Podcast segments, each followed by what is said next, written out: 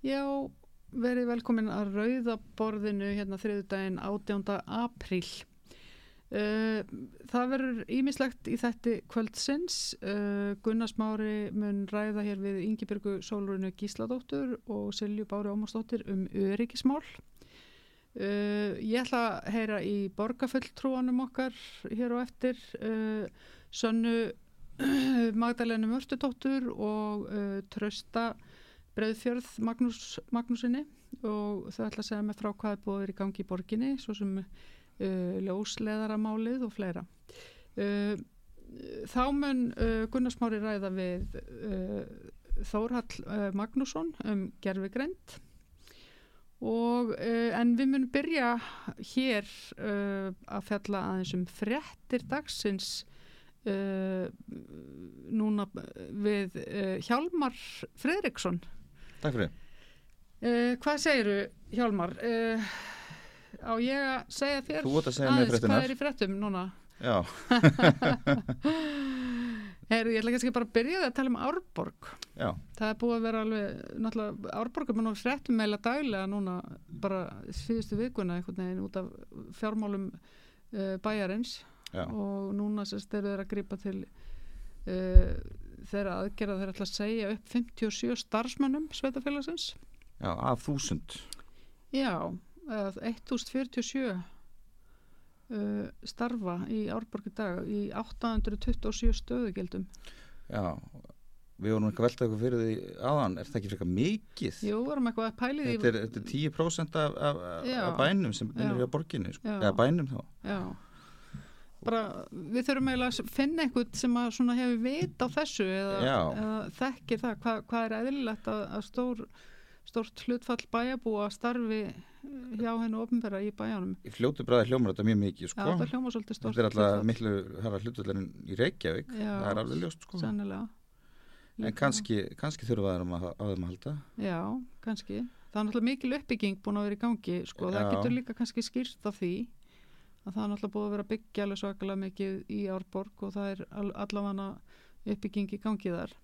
Þeir eru búið stoltir að þessu miðbæ eru Já, útvistaða miðbænum, nei, ég er ekki búin að skoða eitthvað grannskoðan, ég hef svona bara séðan úr fjár, fjarlagð Hann ávist að vera með gósi Já, já, ég á eftir að skoða líka þarna eitthvað mjölkur Mjölkursafnið? Mjölkursafnið, já.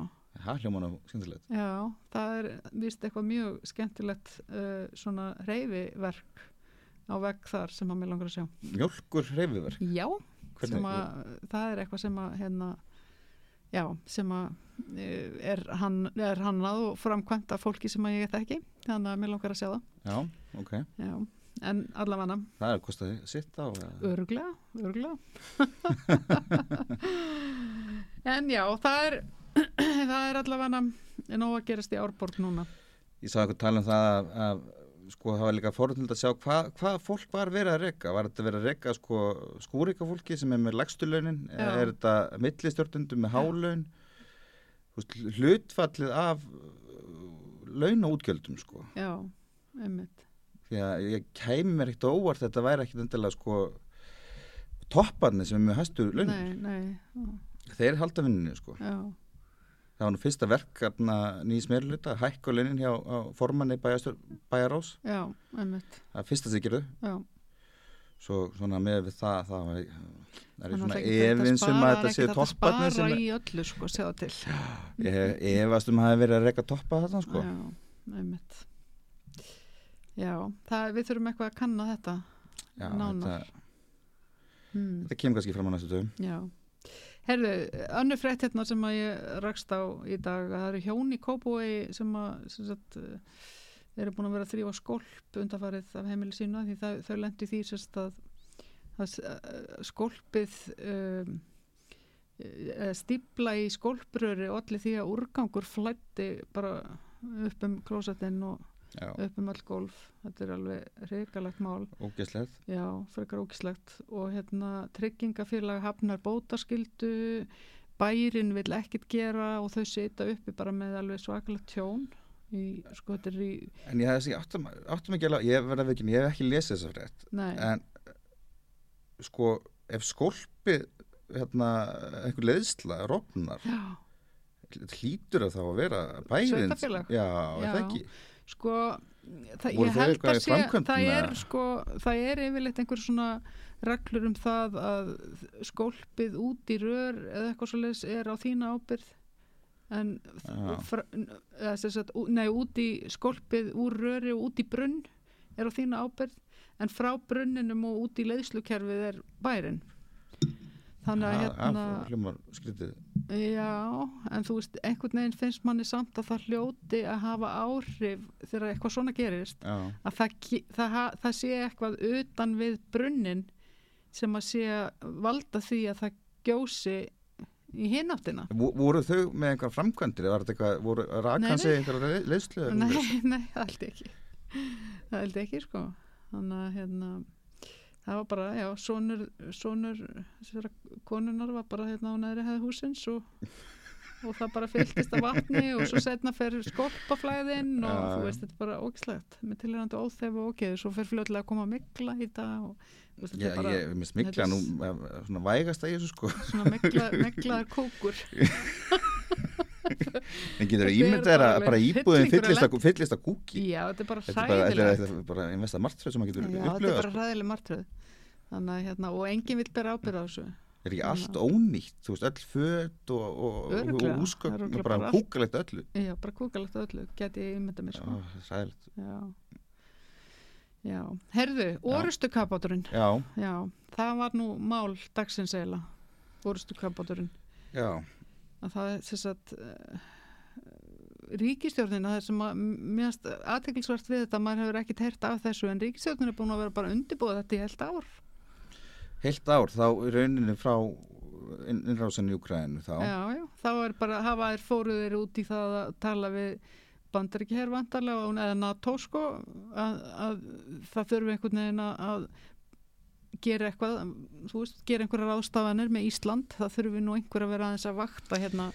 Mér finnst þetta bara svo skamsýnt sko að, að, að ef þessi kafbátur, hann segjum að hann, þú veist bili eða sökvi og fara að leka hérna kjartnorku úrgangur út og það bara er allt, þá er bara Ísland búið Já, jú, þú veist, það er bara af hérna, Já, já. af hérna Þeim finnst það mjög langsótt sko, öllum svona öryggisfræðingum já, að- já, auðvitað er þetta alltaf en hérna- þetta vonina miljón bara Já, sem gerist það En það náttúrulega gerðist náttúrulega emitt í, í Japan og, og það gerðist í Nei, ég er sjálf sér ekkert að móti kjartnorku sko, en, en, en þetta er bara svona fyrir þjóð sem er svona háð þú veist, fisk og, og, og Já, umhverfi sjónum, og, já, það var svona Já, svona sjávarútus og fyrir hvað, hvað, hvað, hvað rúsneski kápbátar get ekki gert innrás á Já, Íslandi, þetta er bara eitthvað svona bull. Já, einmitt. En mér finnst líka, mér finnst þetta líka skjóta skökku við vegna þess að sko við, það er svona uh, Ísland er með svona pólisi um til dæmis kjarnorkuvopn að við viljum ekki fá þau inn í land, landhelgina í flugi og við viljum ekki fá þau inn já, já, og, og það var lagðu áhersla á það sko við, við bandarækjahæður, við viljum ekki vopn og kjarnorkuvopn það með ekki vera kjarnorkuvopn um borði í þessum bátum en það, það breytir, ég sé ekki alveg hverju það breytir sko, já, það, á ekki að vera kjartnokku vopn í bátnum, Nei. segja er En- en báturinn en má báturinn ganga á kjarnorku. Já, það er svolítið sérstætt sko. svo í rauninni sko ef, ef það er miklu meiri líkur að einhver klikki í opninu heldur en sko einhverju tundurdubli sem er kjarnokkusprengi í sko en ég veit ekki, ég þekki þekki Jó, ekki sko. ég þykist þetta það Já. Nei, ég segi svona en, við, en það Hérna, er einhverju svona öryggisfræðingar sem, sem að finnst þetta bara allt í þessu fína Já, það var hérna Friðrik hvað, Jónsson hann, hann segir að þetta sé bara svona, uh, eitthvað svona hver langt að háttur í okkur að vilja ekki kjarnokku Já. hana, og báta við, við hana, Íslands strendur sko. já, já. Sem er bara, þú veist ekki eins og segi, ég skildi, skildi ekki sko að hérna svona En mér, það er eitthvað við þetta líka sem að, ég veit ekki, að því nú er, sko, mér finnst þetta að vera svona bætast við, svona, þú veist, rafbissutnar og þú veist, eitthvað í, í einhvern veginn öllum þessum, já, það, það er svona aukast hérna Svona- við svona- varnarmálin aftur hérna og það er að verða einhver svona spenna og ótti. Já, já, og, og, og, sko, þetta er náttúrulega, það sem að þessi varna sérfræðingar allir verðast ekki sko talum, er eitthvað, þetta er náttúrulega bara einhverja fantasíur. Hvað er rússar að fara að gera innra og synga bara upp úr þöru, þú veist, þetta er bara, þetta er bara þvæla, þetta er aldrei að fara að gerast. Já. Nei, ég meina, þetta er bara, sko, þess að það myndi gerast, mm. þar að þriðja henstyrildun hafa skollið á Mm og, sko, og þá var þetta sko ekki fyrsta, þetta var ekki, það- þetta var ekki fyrsta nei, skotið, nei, nei, nei, þetta var kannski þegar, sko, eins og bara, ef við horfum á setni já. það var, sko, Ísland var hernum eitthvað ári eftir stríð Mm. og þá var það nú, sko, miklu meiri til en til heldur núna, Mm. þetta er bara svona fantasír, það er ekkert, það er enginn í nákomnar í framtíð að fara að gera innra og synga. Við svo sem vitum, vitum ekkert um það, Úgræna vissi svo sem ekki að ma- Jú, þeir væru Úkræn er náttúrulega hliðin á Rússlandi Já, og, ég segi svona, þetta, þetta ég bara, segi svona, en, ég meina, En þetta, er bara, þetta er bara bull. en við erum sömi segja að við séum alveg svona ídeal tilrauna sprengju eiga út í Ballarhafi. Hvað? Að- að Rússa myndu byrja að sprengja okkur? Já, bara svona, að því við erum bara svona lítið, það er lítið mannfall meðan við svona Evrópu. Þú veist, að því við erum svo fá og, Eitthvað. þetta er bara bull. já, já, já. Nei, ég meina, þú veist, þessi, öll þessi varnamál, þetta er bara svona, ég hef á tilfinningum, þetta séð eitthvað svona, einhverju erindrekar og, og einhverju svona búrokratar að- að að að búa til störf fyrir sjálfan sig, einhvern veginn, já, að, já. Hérna, Mhm. varnamál Íslands, þetta er bara bull og okkar vörn er bara sjórin Já, hann er bara sjórin nefnt og, Og- og það að hérna- við séum svolítið langt í burtu og, og það hinga sér lítið að sækja og, líka eða brennra þess að gera bara saman setni einstyröld og bara, já, bara velkomnir og, og vera, ekki vera og, þú veist, Já, mesta hættan setnana í kaldastriðinu bestu rökin fyrir því að verið ekki með hér á Íslandi var svo mhm, að ef að allt myndi fara í háloft mm, það myndur síður sko það væri ekki, ekki tilitin til þess að setja kjartnungusprengju á nei, Ísland. nei, nei, eða væri ekki herstöðin nei, nákvæmlega. Svo og, svo, já, mhm. Já, já, þetta er já Herðu, já, já. Uh, Ragnar Þór Ingólfsson sagði við rauðaborðið henni gæri að hann væri að hugsa um að uh, búða til mótmæla gegn aðgerðaleysi ríkistöðnarinnar gegvart uh, verðbólgu og vaksta hækkunum sælabankars Já, það það er alltaf bara gott mál. Já, hann hafa vonast til þess að fleiri verkalýs ég veit samt ekki hvort að mótmæli sko myndu, hvað, hvað þau muni hafa mikil áhrif sko, þó að þau væri fjölmenn sko. Er, þannig ríkistjórn einhvern veginn að, þeir hlusti ekki á neitt já, heldur að þau myndu, Já, það er spurning samt sko hvort að sko, nei, ég held að, er að það, þetta sé, það sé ekki rétt sko, ég held að við erum allt og löta að mótmála og það er kannski Já, að því að við höfum ekki verið að mótmála neinu sem að ríkistjórnin kemst upp með allt núna, þessi ríkistjórn því Já, það haf, við höfum ekki verið nótuglega mótmáli vetur, það búið að vera kalt í vetur, það búið að vera mikill snjór, það búið að vera svona óhagstætt fyrir fólk að standa út á austuvelli og, og stappa niður fæti. það vantar einhvern veginn sko, þú veist, við horfum bara í síðust ár, það hafa alltaf verið reglulega mótmæli, mótmæli, en það vantar, það er alltaf einhver svona tilefni, alltaf einhver svona, Mm, eitthvað svona einhver eða bomba, svona vintris eða Já, já, það, það, það var svolítið kannski vanta eitthvað en svona við stóra erum, við, erum samt, við sko. erum samt með alveg sko risa stórt móment núna í formi þessar stýrivaksta og verð 10% verðbólgu já, já, og það að einhvern veginn sagt, gerir það sem hann gerir þarna trekk í trekk að- að hækka stýrivexti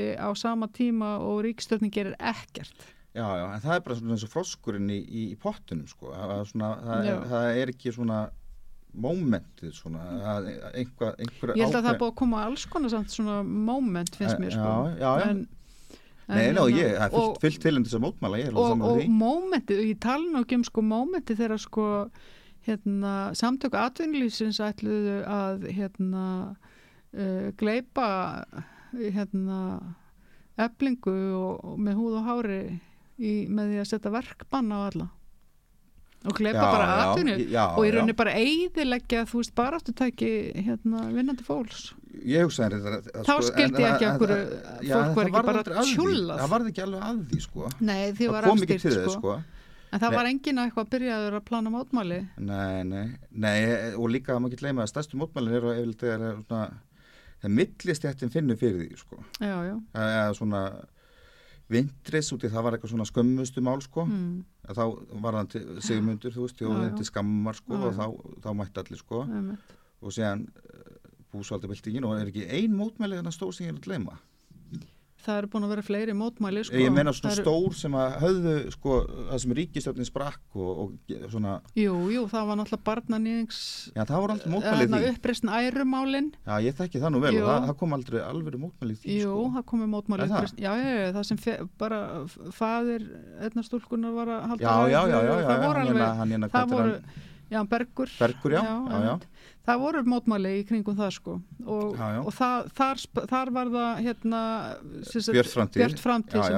sko, ég- já, já. eða sprengdi ríkistjórnarsamstæðið Heldur að, að- heldur að Vafge sprengi ríkistjórnina? Eða- Nei, nei, nei, ég held að Vafki sé í sko með Stockholm syndrom bara á hafði mjög ekki skala. bara, ég, ég held að taktingin hjá þeim sé bara að, að sko þau halda að þau bara þurkist út alveg eins og þau, björt framtíð. Já, þau eru náttúrulega En- en sko- að búin Já, að þau gera það sem er sko. líklega sko. Já, en, en, sko þau eru svona vonað að eitthvað gerist fram á kostningum Já, þess að þau eru aldrei kannski, held ég- Já, Það er þau ekki- hafa einhvað að tapa sko Já. í rauninni, það er málið.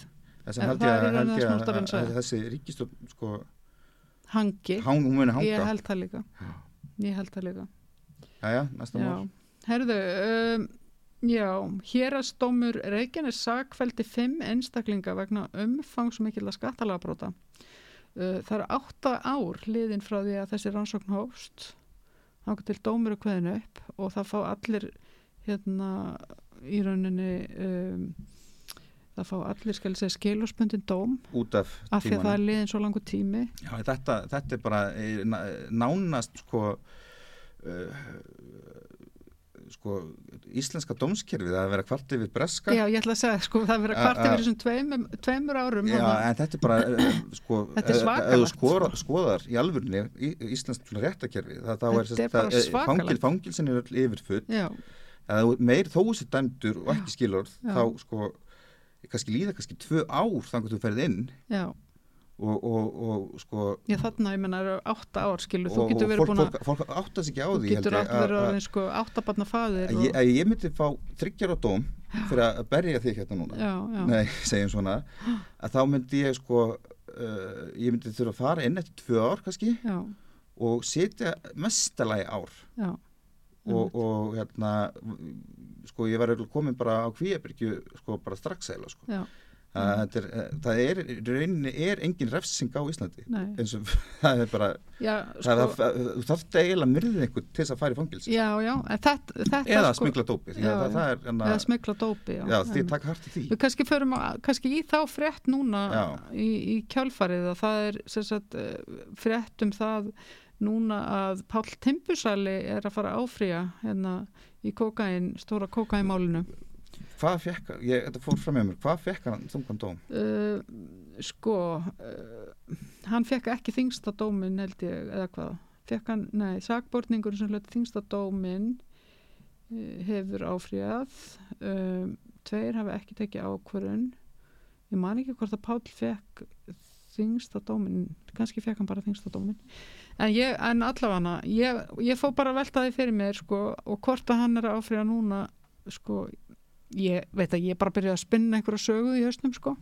Að hérna, þetta er náttúrulega svo mikið farsi, farsakent eitthvað, þetta er svo mikið með því áfriða það náttúrulega dregur það enn lengra þannig að þetta fara í fangilsi sko. Já, já, þú þæfir í rauninni. Meina er hann ekki Kannski er hann er svolítið gamall? Að hérna þetta er bara fullar maður, þetta er mjög sérstakt sérstakt mál sko með þennan sakborning sérstaklega, því að hann er, var ekkit í hann var ekkit í einhverju svona dóbrugli eða nei, nei. Nei, þú veist, hann bara er svona eld, með, meðaldra, er eldri maður sem en tekur sko, einhverju svona en- en- rosalega ranga Já, en, en sko, ég nútlega að segja, er það eitthvað skárra? Því að það, þá, þýðir að hann vantal fór í þetta bara græðki.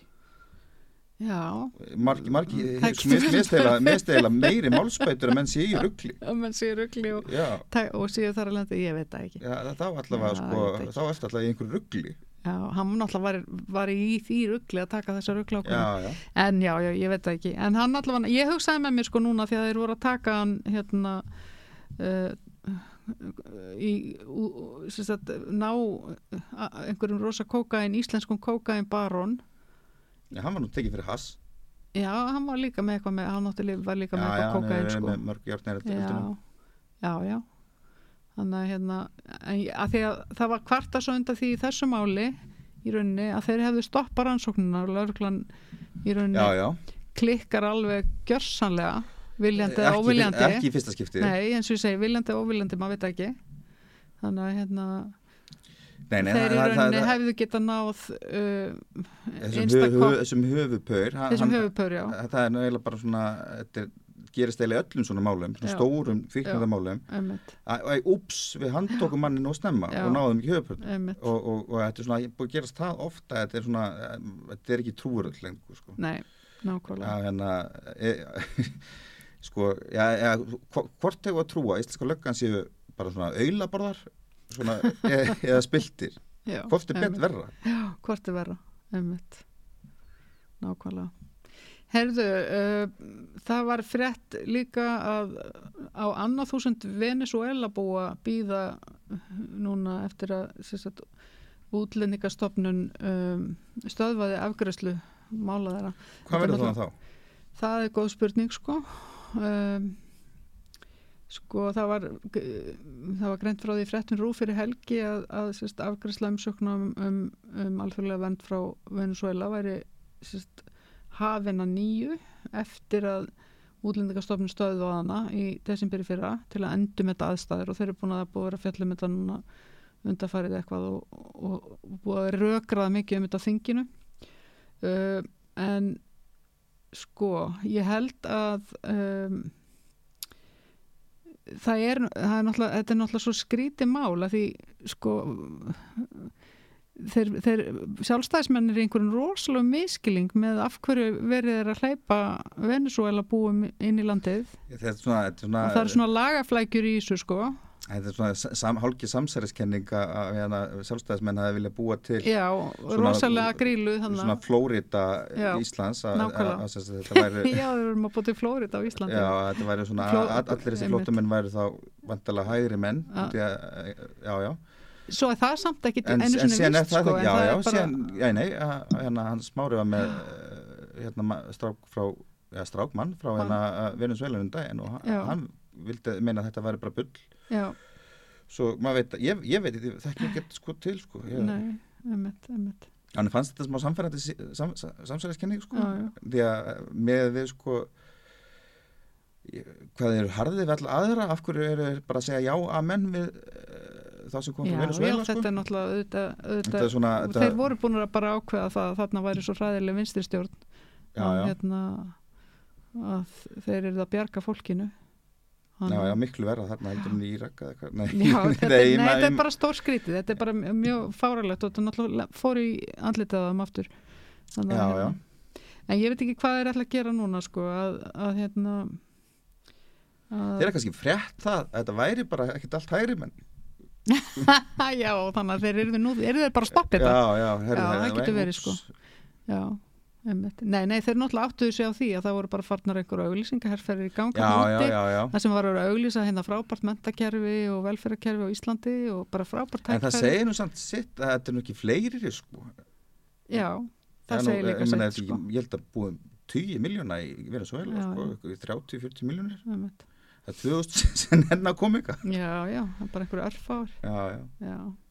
En þeir, já, einmitt, það verður forundilegt að vita hvernig þetta endar. En það er annað núna, eh, að því núna alltaf hefur bæði Venezuelum einmitt verið bara hleft og takkmarkað hingað inn Mm. og, og svo he- hefum við náttúrulega verið að taka móti úkrænumannum líka þannig að hérna hlutfall grunnskólanema með erlend móðumál hefur aldrei verið herra það eru sem sagt næri því 14% grunnskólanema á Íslandi eru með annar mál en íslensku á móðumáli Þá fer ég nú að hugsa um eitt að sko, einhverstæða sá ég að hlutfall sest, hvort það sé íbúar eða bara með kennitölu eða, Mm. ég held þessi ekki ríkisborgarar já, á Íslandi væri 25% sko. já, já en, en í grunnskólum er það bara 13 mm. Að í rauninni hlutfallslega er þetta miklu sko færri börn heldur en fullorðnir sko fattar þau, Mm, er það ekki? nei, er er, ekki, er, ekki, er, ekki, er ekki fullotnir eitthvað um 10% eða Nei, ég sá einhverstað 20 sko 20% Já, eða 25 sko. Það var einhverstað að sá ég það. já, já. ég, ég Já, með en er það ekki, nei það er, er það ekki eðlilegt í rauninni? Að sé þá Já, það sé, fleiri, það sé Fleiri fullorðnir? fleiri fullotnir. jú, jú, jú, ekkert endilega nei, ég veit ekki. Nei, ég veit ekki, Ég var bara alltaf að fatta þetta núna sko að- Þú er að, þú er að beða Gunnarsmára um að reikna þetta út, hann er, hann er mjög flinkur í svona prósendureikningi. en sko með við það, þá er sko nei, ég meina þetta meikar alveg sens að einhver þess, segjum þetta sé 25 Já, þá er kannski sko mjög mikið af því bara svona fararsverkamenn sem að er ekki að með börni sinni sko. já, það er endar alveg rétt sko. uh, Það er náttúrulega mikið að farandi verka fólki hérna. já, En já, en stundum er, já, einmitt. Jú, jú, einmitt. ja, en ég veit ekki Herðu, uh, ein svona kostuleg fyrir þetta í, í, í lokin að hann ásmundur uh, Friðriksson, þingmaður sjálfstæðsflokksins fekk tíu á leigubílaprónu sínu og ætlar að bjóða upp á enga ferðir til eiga. já, Þannig að hérna, varstu Hann- hissa? nei, ég var, ég, ég var ekki hissa þetta kemur með reynslunni Þetta kemur með reynslunni, hann hefur náttúrulega gríðarlega reynslu að að keira. já, já, já, já. Þannig að hérna, Þetta, þetta er örgulega það skemmtilegsta sem hann gerir ég hugsa það sko. Þess vegna hérna, ætlar hann bara... hann- Sjöfum finnst rosa gaman að keira Já, já, einmitt. En hann er, hann er bara á þingi að plana bara næsta skref og, en byrju hann er ekkert að hætta þingi? Já, ég menna, en hann er, hann er ekkert gefið skinn hans hann er ekkert minnst svo ætlar hann kannski að vera er við kannski vera að borga fyrir þessu túrista Kannski, ég, ég veit ekki hvað hann er að hugsa, sko. Akstu skjald hérna. Það var nú alveg líkt honum sko. Já, já, þetta er svona, ha, en hann er, hann var vist ekki meti lengur nú, hver á meðin? nei, það er, hana, það er þingmaður Vafge Nú, hvað þing maður? hann hérna, er fyrir norðan og er bróðir áskis hérna, selabankastjóra Nú, ég man ekki hvað, hvað hann heitir. Já, hann Jónsson, vantarlega vantarlega, og, og, og hann er fyrir norðan Vafge hann? Keirir eins og vindur. Já, hérna hér, ég, ég, ég einhvern tíma árið að skoða þetta og hann, þetta var bara svona stjartfræðilegt sko. hann var eins og hann var að keira bara sko sko hann var eins og var að keira meira en að svæfi sko. já, hérna hér. ja, Já, já, herðu, meira, meiri frettir á morgun, þetta er orðið nógu bíli. Já. Uh, ég ætla að fá hérna Sonnu Magdalenu, uh, Martu Dóttur og Trösta Breiðfjörn Magnússon hérna að rauðaborðinu eftir smá stund.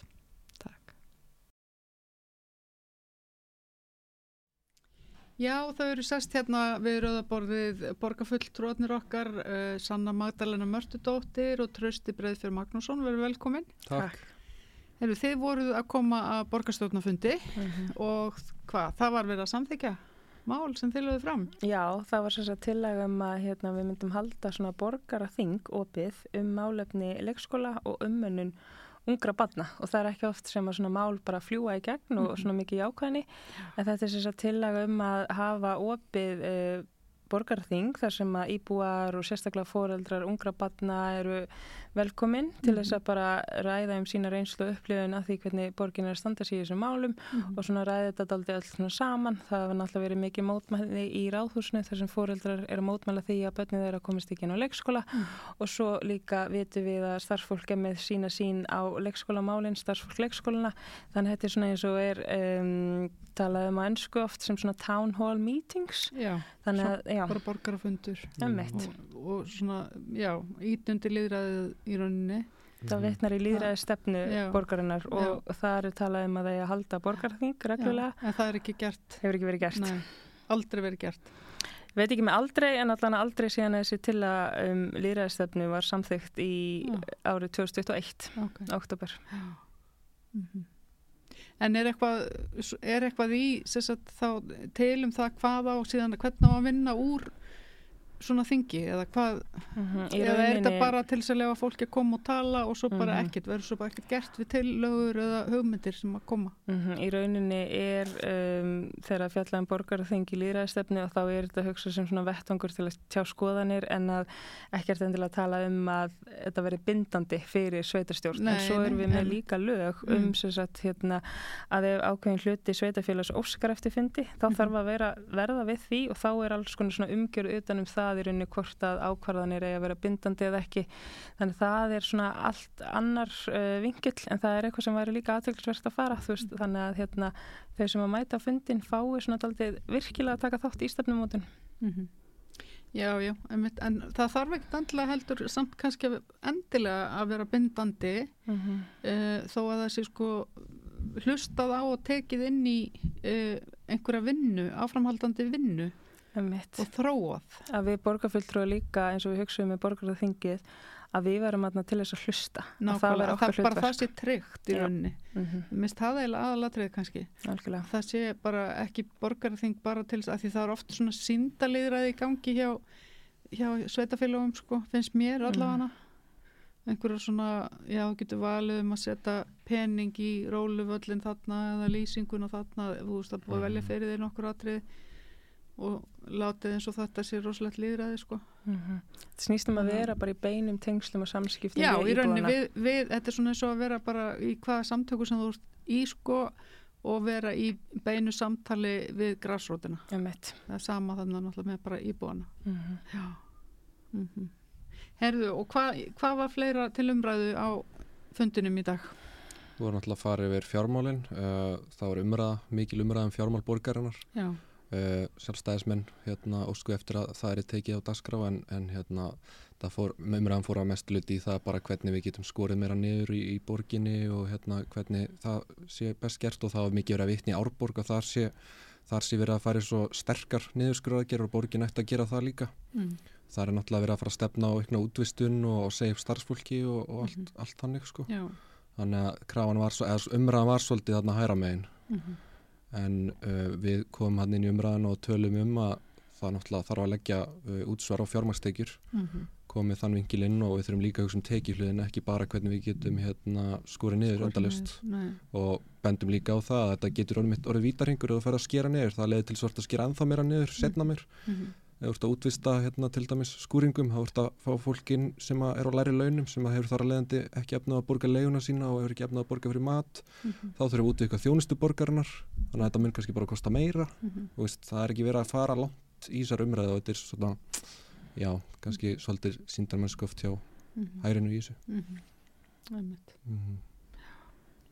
Það er svo, svo er núna náttúrulega var verið að leggja fram hann að fjármála áallun ríkistjórnarinnar og þar var einmitt, já, ekki, ekki mjög svona bjart heldur hvað var að sveita félaginn að því mm. ríkið í náttúrulega einhverju svona niðurskurðapælingun líka sko þannig að hérna mm -hmm. þetta er einhvern veginn á eina bókina lagt Já, það er einhvern veginn verið að slá í trómmunna núna, nú verið öll sveitafjölu og ríki núna að fara í niðurskurinn sko. Er þetta COVID, sérst verið að borga upp, greið upp útgjöld úr COVID eða hvað er, er eitthvað að hjá borginni í reksturinnum? Hvað finnst ykkur? Ég myndi segja sko forgangsröðunin er náttúrulega kolröng. Þetta er uh, það fjall til COVID-kostnæður mm -hmm. en það var líka ákveði sko, sem viðbröð við COVID að það setti borginn fram svona aðgjara pakka sem átt að mæta fjölskyldum og, hérna, mhm. fyrirtækjum mm -hmm. og ákveðs að flýta lækkun fastegnaskatta á atvinnuhúsnæði okay. uh, og gerði það þarna 2021 þannig að eh, hlutfalli fór úr 1,65% niður í 1,60% og þetta kostiði borginna í kringum 450 miljónir þannig að næstum halvu miljónir halva prósent. Mm -hmm. mm -hmm. Þannig að það kom aldrei svona flöt skattalækkun á öll fyrirtæki í borginni mm -hmm. og hérna sem svona COVID-viðbrað þannig að það er náttúrulega þegar þú ert fann að skerða í rauninni tekið möguleikana þá hefur það líka áhrif. Mhm. Þannig ég myndi segja þetta sé forgangsröðun, mhm. COVID, um, náttúrulega við erum ekki að fá inn ákveð fjármæk sem við ættum að vera að fá inn mhm. sem við til sósilistar teljum rétt að koma að útsvarja fjármækstekjum en svo er það líka varðandi ríkið að hérna, við erum ekki að fá í rauninni gegnum jöfnunasjóð þar sem við Nei. teljum að ættum að fá vegna þjónustu mm -hmm. uh, við íbúa mm -hmm. mm -hmm. Þannig að það er það, þar eh, er, er eitthvað sem að eh, skóin greppir þar mhm. og eru á öruglega ekki að bæta neitt mikið úr sko eða neitt Það eru verið að skoða hérna þessar reglur um jöfnunasjóð en það er ekki alls sveitafjölu sátt við í rauninni breytingarnar sem hafa verið laðar til sem eru því þá einhverju mm. leiti góðar fyrir Reykjavík og borgarstöðu mm -hmm. hennar en mm -hmm. þetta, þetta tekur allt sín tíma Já, ummitt mm -hmm. Já, þetta er þetta er einhvern veginn uh, ótrúlegt í rauninni ég er búin að vera að hugsa þetta svolítið undanfann daga því það eru svona, það eru þessi hlutir sem að sko sveitafélagin eiga að sjá um sko eins og heilsugjæslan og skólakerfi Ekki heilsugjæslan? Ekki heilsugjæslan uh, Nei, heilsugjæslan er, er, hún er ekki á hún er samt í sveitafélagunum sko, mm -hmm, er það ekki? Mm -hmm. En við byrjum ekki ábyrg Þið byrjum ekki ábyrg á henni sem slíkri, hún er náttúrulega sjálfsta þannilagað mm, Það er ríkið Já En, en þetta er í nær þjónustu Þetta er í nær þjónustu samt sko -hmm. Þannig að það er, búið, það er, þetta er sliti frá til dæmis spítalaþjónustunni og, Mhm. og þannig Þannig að hérna, en hún, en, og svo er þetta misjátt eftir sveitafélagun líka og hverfum og annað Mhm. og en, sveita, en sko heilsugjæslan er bara svona eitthvað lama batteri, bara Mhm. gjörsamlega lamað mm -hmm. þannig að hérna Löng byggð eftir að fá tíma við lækni alltaf Já. lengjast og lengjast og það er Já. ekki hilsugjasta til dæmis í grái núna er ekki heilsugjæsla í gráu vegna það, henni, var, henni er loka tímabundi það er verið að fara einhverja lagfæringar skilsmér á húsnæðinu Já.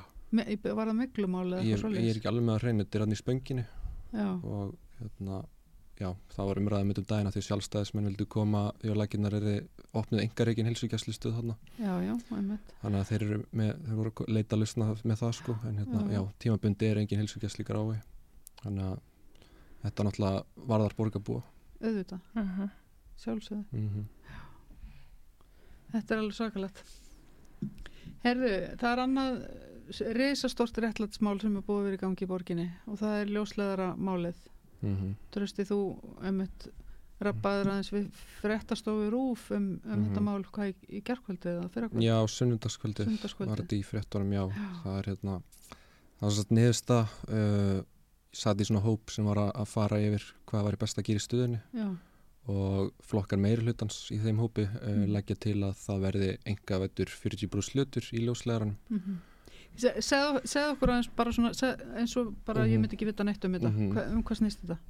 Borgin á og rekur Já, borgin á og reyku ljóslegaran ljóslegarin sér um að uh, útvega bara okkur, internet, þetta er gagnaveita Já, Hétáður gagnaveita Reykjavík var stopnuð og uh, hérna, stopnuð í þeim tilgangi þetta var bara reykið einhverju borgin á sín tíma mhm. um, en hérna, já þetta, hlu, þetta er hluti af veitum í dag eða hvað? Nei, þetta er alveg orkuveita Reykjavíkur á, Orkuveita á, á Reykjavíkur á- ljóslegaran já. mhm. Og hérna já, en og, og við færum rauk fyrir að orkuveitan gæti og, og hérna, hún má veita ljóslegaran fyrir og gæti gert það um, en þau vilja ekki fara þá leið, þau vilja frekar sækja þetta frá engaðalum mm. þannig að engaðalar ná 40% hlut í félaginu já. Já. Þannig að það er í rauninni bara verið að enga væða internetið. Mm já, það er ekkit öðru sig nei. Nei. og þetta eru grunninn við og við, þetta er bara eins og lagnir og, og hérna, rammagn og vegakerfi. Þetta er bara, Þetta er eiginlega samt sko, þetta er pinlítið kannski al, meira, alvarlegt heldur en ef að það væri verið að enga væða eitthvað vegakerfi. Vegna þess að þetta eru persónu, þetta eru svo persónulega gögn. Já, líka það. Já, algjörlega, þannig erum við að flytja, við erum að nota heimabankan og við erum að já, við erum að nota, skrá okkur inn í allan fjandan Svo er rosa mikið ógagsa í, í kringum eignarhaldið eins og hérna Já. þetta Ardian félag keifti Mílu af símanum, Þa, það er eins fyrirtæki ljósleiri Það er- Míla það er frans, franska félag Já, franska félag en það er samt óljóst sko hverjir á baku að það hafi verið einhverja vangaveltur um hvort þetta gætu jafnvel verið einhver íslendingar hann á baku, maður veit það ekki en Nei, það segir einmitt. svolítið mikið að maður veit ekki nákvæmlega hverju þetta er og Já. það er uh, minnst vera ákveðin hættalegi því einmitt, eins og þú talar um upplý, upplýsingarnar um okkur Já. að það er síðan höndum einhver aðla sem við veitum ekki hverjir eru heldur Einmitt. þannig að já, þetta er allt saman mjög sérstakt og, Mhm. og bara já, ógnalegt Já, Ég man sko þegar að það var verið að einmitt við byrjaði að reyna enga veða vatnið í, í Suður Ameríku og eitthvað svona hérna fyrir nokkrum árum sko eða er tíu árum eða eitthvað svo les sem, og mað, það var alveg fór um mann sko. Ég man ég tók þátt í einhverjum síðan einhverjum mótmælum hérna einmitt hvað var það veitur og vatn og eitthvað.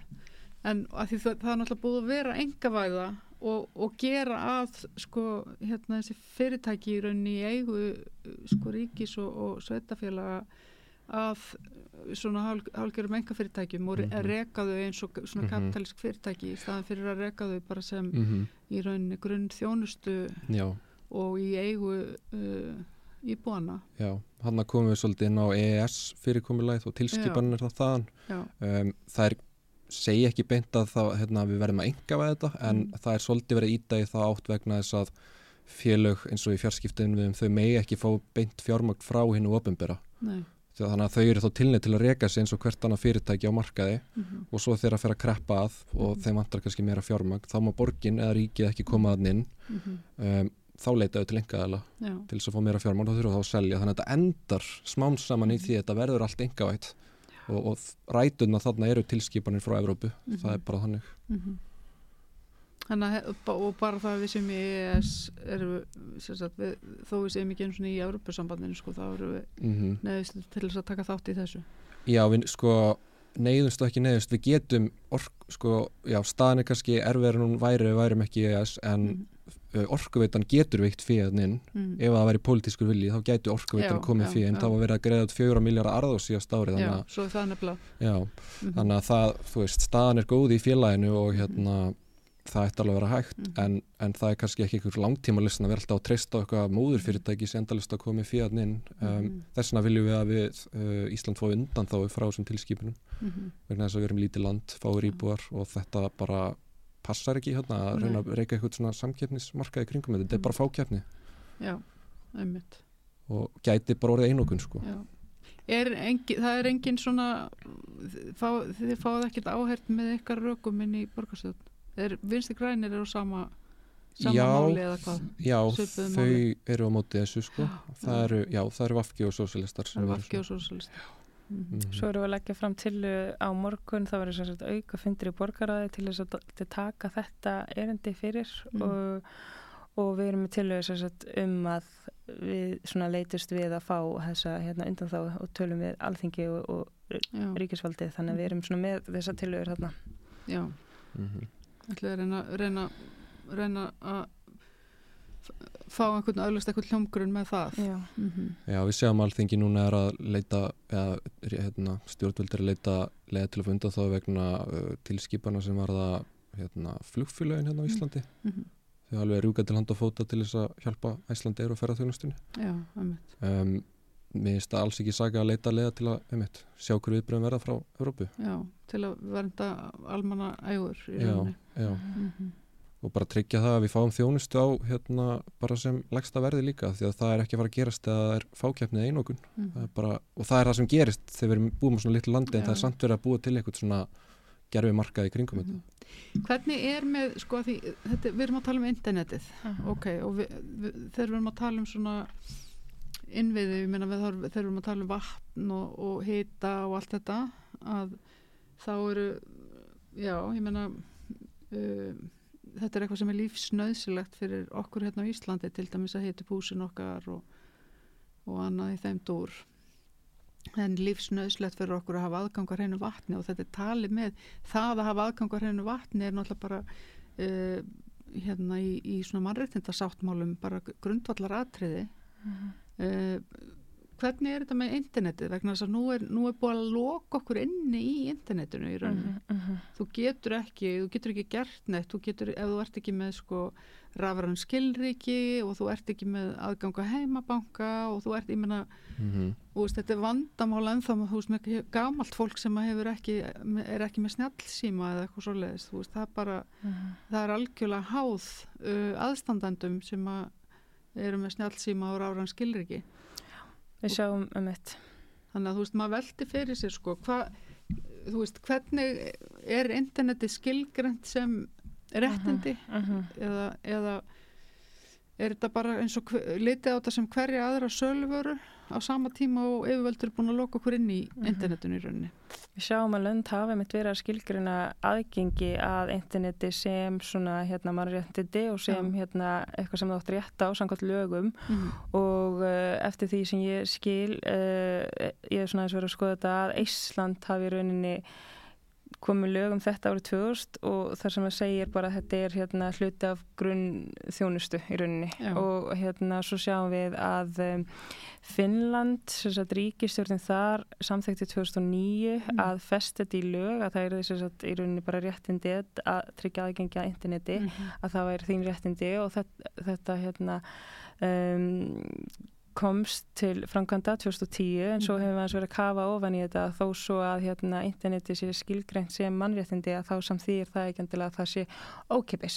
Það er meira svona verið að segja að íbúar hafi rétt til þess að komast inn á internetið og þess vegna þurfa að tryggja internettengingu óháð í rauninni staðsetningu eða óháð því hver þú býrð, svona landfræðilega staðsetningu innan landsins sem þú býrð í og að hérna, þau þurfa að bjóða upp á internettengingu á viðræðanlegu verði. Mm -hmm. Þannig við sjáum ekki endilega þó að hérna, internet sé skilgreint sem mannréttindi eða svona grundvallar þjónustar sem það átt rétt á samkvæmt lögum að þá fylgir ekki alltaf sko um, þessi svona stjættavingill að tryggja mm -hmm. rauninni að þú komist á interneti og hafið efnaði en við sjáum að Mexiko setti þetta inn í stjórnarskrá -hmm. sagt, hérna, að öll sem búið í Mexiko hafi rauninni rétt að þessu aðgengi og það er verið að tala um þess að stafrana gjá út frá rauninni stöðu fátækra sem að eru þá ekkert að komast inn á interneti þannig að þar sjáum við meira en á svona stjætta vingil Já. og saminuð þjóðnir hafa álíktað að internetið sé mannréttindi mm -hmm. um, þannig að það er svona allir gangur á því hvort þetta sé tryggt í lögum mm -hmm. um, og eins og emitt Mexiko var að stjórnarskráin 2013 henni var breytt til að koma þessu fyrir mm -hmm. En þetta er allavega í mannréttinda sáttmálum líka, þú? Í rauninni í yfirlýsingu frá já, yfirlýsingu já. frá mann mm -hmm. frá, einmitt, mm -hmm. samnið þjónum nei, mann er sáttmála samnið þjónum já, yfirlýsing frá þeim já, í rauninni, en svo líka sko hefum við séð að það stundum verið að tala um í rauninni réttin til þess að komast á netið út frá uh, öðrum þáttum eins og að um, stjórnvöld með ekki loka á aðgengi eitt að netinu. Mm -hmm. Það er líka eitt svona vingilinn í þessu öllu saman. Þetta er svona eins og, en við, þetta er, að því þetta er, kemur líka inn á til dæmis postþjónustu sem er búið að bara leggja af mm -hmm. í grundvallaratriðum sko, ég menna mm -hmm þannig að hérna, þetta, þetta er náttúrulega í stað, komið í staðin fyrir svo margt líka uh mhm. -huh. eins og til dæmis post þú veist að geta borðið upplýsingar og láta röttin að berast út fyrir landsteinana eða já, uh mhm, -huh, sendt frá þenn eða kalla guðmá þetta hvað sko.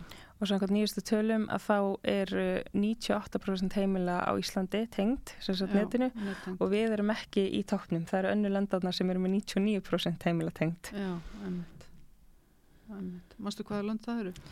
Uh, ég man að var Sáti í Arabia, saminu fyrstudæmin, uh, það Já. var Norur og Írland var þarna fremst. Írland, Norugur, um, Sáti í Arabia og saminu arabísku fyrstudæmin. Já, Já, þau voru þarna sangat í janúar af þessu ári með 99% heimili tengt. Já, hérna. Herðu, uh, annar mál, voru fleiri mál rætt í dag á, á borgarstjórnafundi? Rétt, hérna, ÖBI uh -huh. og bílastæðasjóður. Já, það var ekki á þessum borgarstjórnafundi en það er sannsagt eitthvað sem er svona búið að vera daldi í umræðinni Já. og það er eitthvað sem að tristi hefur að fylgja eftir í umhverjus og skipilagsráði Já, Já þess að kom uh, aðdraðandin er sá að hérna, uh, borgarlögmaður kom með hérna, álit ég held að það sé svona cirka ár síðan þar sem að hún sagði að það væri ólulegt hjá borgin að rukka reyfihamlaða inn í bílastæðahús. Mm -hmm. það samrændist ekki lögum en samt hjælt borgin áfram að rukka mm -hmm. um, svo kom tilkynning fyrir kannski svona mánuði síðan mm -hmm. um að hérna nú ætlaði borgin að hætta að rukka um, þannig að já það er svona staðan sem er núna en hérna það hefur ekki komin einn yfirlýsing sko út hvernig hérna þau sem hafi verið rukkuð hvernig þau geta fengið endugreitt eða neitt mhm. svoleið sko mm -hmm. þannig að já það er svolítið staðan eins og núna akkurat núna Er ekki rosalega ósannlegt að fólk eigi einhverju svona kvittanir úr bílastæðahúsum? Mm -hmm. Það er einmitt verið að tala alltaf um að sé þetta skila þá kvittinum og sína fram á að mm. þú er rétt að endurgræslu en það er einmitt þú veist í þessum ráðræðina heimi erum við ekki að geima kvittanir fyrir bókaldi, við erum bara við með þetta í appinu. Já og við fáum ekkit, mm -hmm. basically við fáum ekkit á pappir lengur sko. Nei. Þannig, en kannski er þetta sækir það er Allan að vinna fyrir fólk að, að sapna þessu saman og hérna, fyrir tími orka í það og það er, já, það er bara frekar hérna umilegt að borgin hafi einhvern veginn ekki bara farið í þetta strax sem leiði þessi, hérna þetta álit kom frá lögmanninum, ég skil ekki hvað hvað tók svona langan tíma og hvað, hvað þurfti að býða svona lengi mm -hmm. Já fleiri, eru fleiri mál sem hafa verið svona í deglunni hjá borgastjórn hmm. þetta eru svona aðal, aðalmálin komin Já, þetta er svona helsta sem hefur síðustu daga myndi ég segja sko. mm -hmm. Já, Já. Þegar þá þakka ég ykkur bara fyrir komina gott að fá smá innlitt á og til inn í borgina. Já, takk fyrir. Og við förum yfir í næsta mál.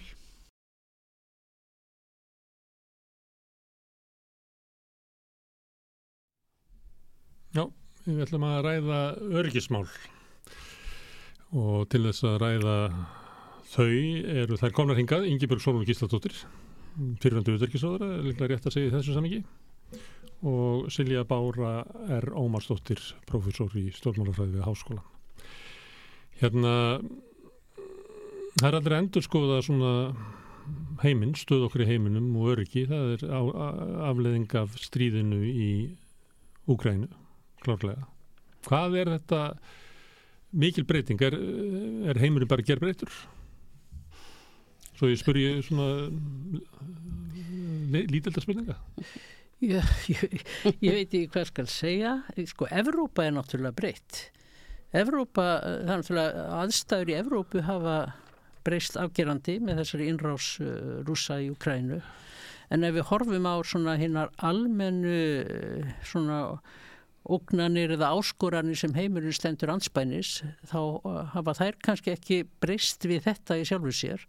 Ég held að, að um, sko, stór, staðstu áskorannar sem alþjóðsamfélagi stendur anspænis, það er áskoran sem ganga þvert á, á landamæri og uh, það eru til dæmis loftslagsbreytingarnar sem ég held að sé ekkert staðista verkefni til að takast á við og staðista uh, áskorunin það er auðvitað fjöldi fólks á, á flótta, þessi miklu fjöldi fólks á flótta, sem aldrei, aldrei verið fleira á flótta. Um, það er auðvitað, sko innráðsúsa er auðvitað uh, partur af þessu, en ég vil líka nefna uh, veikari staða mannreitind og líðræðis í heiminum, aukinn svona pólitísk skautun og uppgangur populísk rafla, en ég held að þegar við skoðum þetta allt saman, þá uh, sé kannski stóra vandamálið og ástæðan fyrir við erum með þetta allt saman og eldsmaturinn, það er þessi aukna mjögskipting í heiminum. Ég held að það sé svona staðista áskorun og staðista óknunin. Það er aukin mjögskipting, auðs og tækifæra. Auðs, egna og tækifæra. Mm. Innanlanda, milliranda og millisvæða.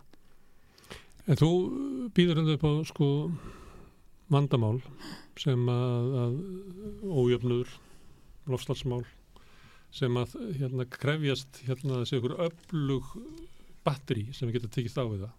En á sama tíma er þetta að tala um hnignandi líðræði, aukin polarisering, mm. minni geta samfélagandir segja við þetta bæði innan samfélagana og á millisamfélagana.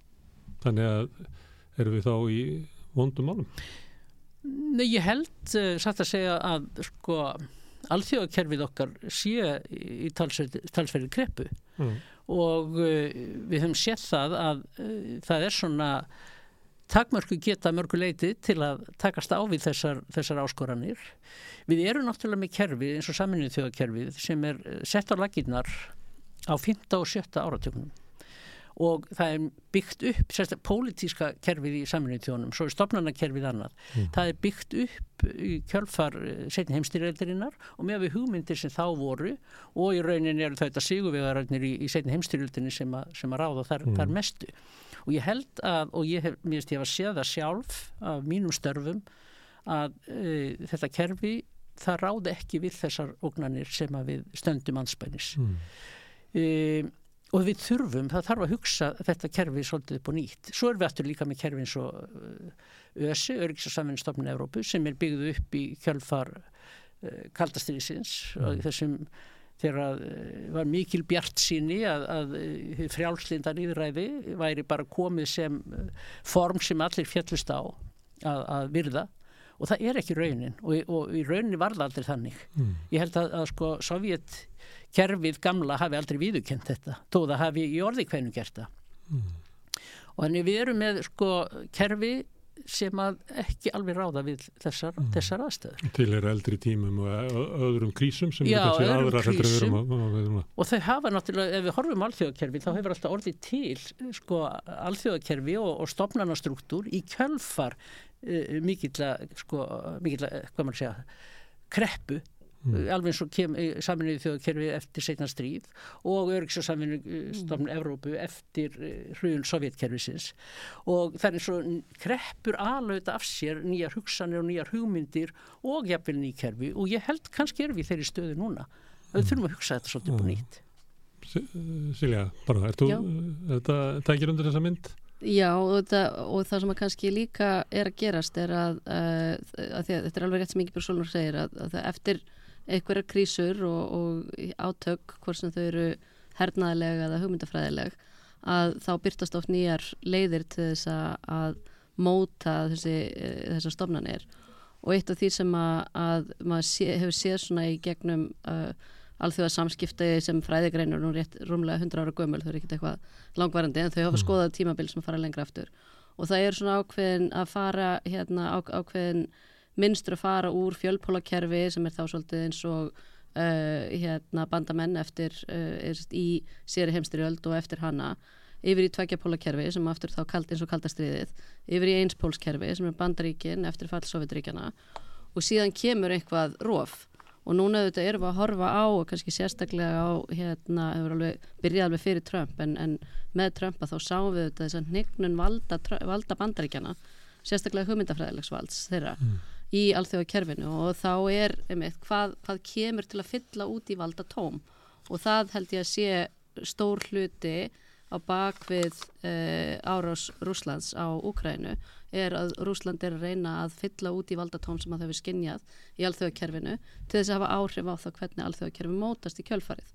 Og við sjáum líka hvernig Kína er að spila uh, sagt, sína afstöðu kakvart Rúslandi í þessu, í þessum stríðum í þessu stríði og, og uh, er sagt, að þá að reyna að keppa við. Og hvað við fáum út úr þessu hvort sem það er einhver breyting á saminuðu þjóðunum, hvort það er einhver önnur kerfi sem að, að uh, koma, uh, koma fram eða hvað, en þetta er eitthvað sem ég held að við munum þurfa að bara vera tilbúin til þess að taka stáfið og það er til dæmis neitunarvaldi í saminuðu þjóðunum. Uh, það að Rúsland sé í, sko, sem er formensku í öryggisöðunu þegar það er árásaríki mm, mm. í, í alþjóðlegu stríði að það er auðvitað, það, það er náttúrulega bara skjálfileg tilhugsun.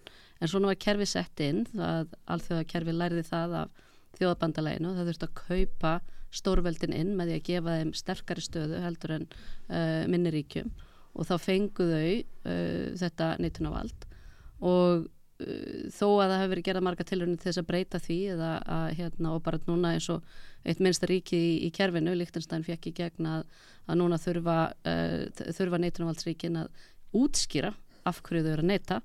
Uh, þau gáttu gert það án nokkru útskýringa uh, lengst mhm. af það sýnir alveg það er hægt að neka til er hægt að breyta kerfinu lítið en það þarf einhvern stóran skell til þess að við breytum því mikið Mm.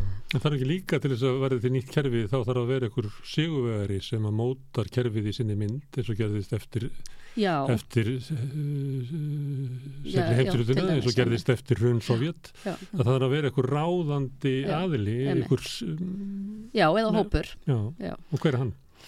Það er auðvitað það sem ég er að segja það, það er sem að sér þessi, hérna, þessi ríki sem að eru að reyna að, að breyta kerfinu sér í vil eins og Rúsland, eins og Kína og maður sér að þau eru tilbúin til þess að, að reyna mótakerfið en maður sér það ekki endilega frá uh, öðrum ríkjum, vissulega, jú, Macron fór til Kína þarna núna nýlega og, og, og svona maður heyrði að það voru uh, hann sagði hluti þar sem hann vildi síðan ekki láta hafa eftir sér í Evrópu. Mm. hérna politíku gaf út yfirlýsingum og þau var ekki tilbúin til að byrta uh, rítskoðað viðtal við mm. hann, þannig að það er einhver, það, það er einhver samtöl í gangi einhver staðar sem við auðvitað sjáum ekkit að bara fyrir opnum tjöldum sko. Mm. Mm. Það sem að, mér langar að mynda að grípa bóltan hjá þetta sem við talum sko að, að Rústland og svo núna Kína eru auðvitað að reyna að, að Uh, gera sér gildandi sem hinn podlinn bandaríkjónum mm -hmm. á sama tíma er það auðvitað auðvitaðrikistefna bandaríkjónum komið í vegfyrir að annar podl verði mm -hmm. til. Mm -hmm. það er stóra máli hjá þeim að komið komi í vegfyrir það. Og þetta er auðvitað núningurinn sem við, sem við sjáum sko uh, mjög víða. En varðandi þessi samtöl sem er eiga sér stað þá held ég sko og, og mér fannst það einhvern veginn að þessi innrás uh, rúsa í Úkrænu það að hún skildi eiga sér stað fannst mér einhvern veginn vera svona sameigilegt skipbrot okkar mm. allra að geta ekki komið í veg fyrir það mm. að, að, að þetta samtal skul ekki verið í gangi þannig að menn viti svona nokkur neginn sko hvað er að gerast mm -hmm. það fannst mér svo mikið skipbrot fyrir, fyrir allt þetta allþjóða kerfi okkar mm. vegna þess að auðvitað eru, sko rúsarnir eru ábyrgir fyrir þessar innrás, þetta er mm. þeirra sög þessi innrás, en hinn allir ríkin að við skildi ekki einhvern veginn átta sér betur á mm. því sem þarna var að gerast og geta gripið til einhverja aðgerða fyrirfram, einhverja mm.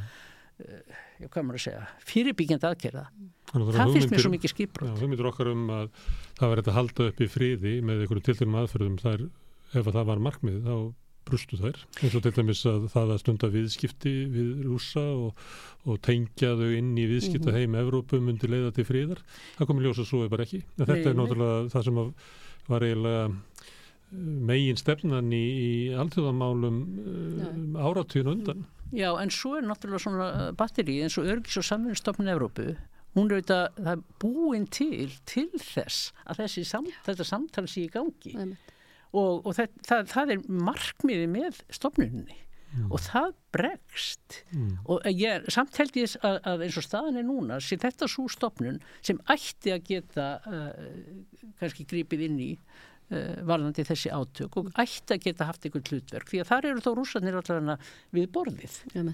og það er mm. mikilvægt Þú sagðir hérna með að rússar væru og kemurjar væru að stíga inn í svona tómarum mm. eftir er það þannig með innrásina að hún sé að Rúsland hafi séð að þau gætu farið í innrásina vegna þess að, að hérna, yfirburði bandaríkjana í heiminum eða, beg, eða mm. ríki begðus ekki í jafnbyrgnum mali undir, undir, undir þá. Að það veri þá möguleiki að gera þetta. Eða heldur að, að rússar séu eða pjótin séu að sjá það fyrir sér að með innrásinni að þá styrkjan sína stöðu og alþjóðavert okki ég held að það sé kannski frekar uh, hérna, frekar það fyrra en einhverju leiti mm. líka setni þátturinn sko, að auðvitað er það þegar að, að Rúsland tekur yfir krímskagan fyrir að verða ártug og afleðingarnir eru eiginlega bara e, nákvæmlega engar að þá lærist auðvitað ákveðin leksja sem mm. er að alþjóðakerfið bregst ekki við mm. þannig að endurtekning verður líklegri uh, þannig að, að möguleikin og trúin sem að, að Rúsland verist hafa haft á því að þau gætu bara ger sigrað Ukrænu á örstöttum tíma hafi þá leitt til þessara, þessara ákvarðunar. En hins vegar líka held ég að við hérna á Vesturlöndum séum í svo litlum, uh, ég lifum í tölvuri blekkingu með það að meiri hluti allra ríkja í heiminum standi með uh, Ukrænu mm, mm. eins og, og Európaríki gera vegna þess að, að það er fjöldin allur af, af ríkjum og kannski sérstaklega í svona hinn nættirannu söðri sem að, að telja þetta bara fullkomlega í lægi mm. og já, Indland til dæmi sem er stærsta fjölmennasta líðræðisriki heimi það hefur ekkert verið neitt afgerandi í sinni afstöðu með Úkrænu og fyrir ekkert aðraði mitt við, við Rúsland að, að mörgu leiti þannig að uh, hérna hvað má og, og, og hver dæmir það er, þú veist, við, við erum á öðrum ásnum held ég, hérna langt flest mm. hérna með könnun sem ég fyrir að kynna þess á, á miðugudaginn hérna mm sem að síni það að langt flestir Íslandingar þetta stiðja hérna, vilja stiðja við Ukrænu fyrir ekkaraldur en Rúsland og, og eru jafnvel uh, stóru hluta tilbúin til þess að borga fyrir það. En, uh, hérna, en það er ekkert það er ekkert allstaðar sem að það er. Og sömuleyti hefur í svona staða Kína mörguleyti styrst í öllum öðrum deildum jarðar heldur en okkar Mér langar aðeins sem þetta út af þessu sko að, að ég var í, í Bagdad þegar, mm. þegar gerðu, rúsarni gerðu innráðsina í, í, í Ukrænu og þá fann maður uh, mjög vel fyrir því að fólk þar, jú, það fann mjög til mjög Ukrænumönnum mm. að þau skildu sko þurfa að lendi í þessu að verða Uh, hérna fyrir þessari innrás en um leið sagði fólk svona ok, þú getur því bara uh, slegist á ykkar vallarhelmingi því mm. hafi hingað til verið að slást á okkar vallarhelmingi, mm. gerir þetta út um þetta núna bara heima hjá ykkur þetta mm. kemur okkur í sjálfsög ekki við það var ólöguleg innrás í, í Írak mm. og hvað, hver voru afleggingarnar af því? Mm. Írak jú rúkandi rúst en, en uh, pólitískar afleggingar fyrir, fyrir bandaríkjum voru auðvitað engar Þannig að þetta er auðvitað viðhór sem að maður sér við það. Það kærðu sig ekki um nexlan okkar vesturlandabúa yfir innrásinni? Nei, en, en, en þar með er ég ekki að segja að þeir hafi ekki fundið til með úkrænumönnum og tekið afstöðu með fólkin í úkrænu. En það er hinn pólitíski vinkill að þessu sem að var svolítið grátt bróslegur ef maður má segja sem svo. En ef maður reyna að lesa bara í svona almenn umræðu, þá voru við í, á tímabili þar sem að, að trúa því að, að aukin viðskipti myndu leiða til fríðar mm -hmm. og það var bara ríkjandi trú. Svo bregst það og þá er einhvern veginn bara við býst Evrópa í kvelli er, er, hérna, er, er ekkert annað vit í Evrópu heldur er þetta einu kostunni sem Evrópa hefur? Og sömuleyti sakna með þess að sé eitthvað svona alvöru sko, hérna, umræða um örgismál eitthvað annan hátt heldur en það að við verðum eitthvað að výbúa skegn rúsum að það sé eitthvað meira sem að vera. Þetta tengir svona bara hugmyndum okkar um, um já, farsal samskipti millir þjóða. Já, sko ef við máðum hérna, stíðin á þetta sko, ég held að nefnilega það sem að, að rúsunum hefur tekist er að þeir eru ekkert bara í hernaðalegu stríði við Úkrænu, þeir eru í fjölþóttastríði við Evrópu. Og það eru þetta gasið til dæmis að hérna, eina spurningunum sem ég er með þessari konu núna er einmitt svona reynda aðtuga sko, væri fólk hér heima tilbúið til að borga ef að, að hérna, fyrir stöðning og uh, voru með svona tveikja þáttar spurningu sem reyna að mæla hvort að kostnæðurinn sem að þú sem einstaklingur finnur hefur áhrif vegna þess að það sem að sá svo mikið í Evrópu í vetur þegar fólk var alltaf inn fyrir að borga fjórfalt, fimmfalt fyrir orkuverð mm. til þess að hita heimili sín að þá þetta kemur, hvað, hvaðan kemur orkan? Jú, uh, þetta er uh, hækkun vegna þess að það er ekki verið að kaupa á Rúslandi og vil þá fólk kannski bara að stríðinu ljúki, gefa eftir þannig að, að veist sko þessi þetta stríð er miklu strategiskara kannski heldur en að við ræða bara á þessum hernaðlega grundvelli mm.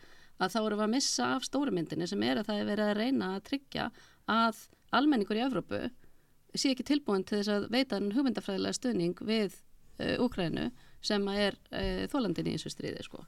þannig að hérna og þetta held ég að sé eitthvað sem að, að uh, við kannski vannmátum uh, og við þá veist þá bara Vesturlund uh, vannmátum getur úsa til þess að hafa þessi áhrif.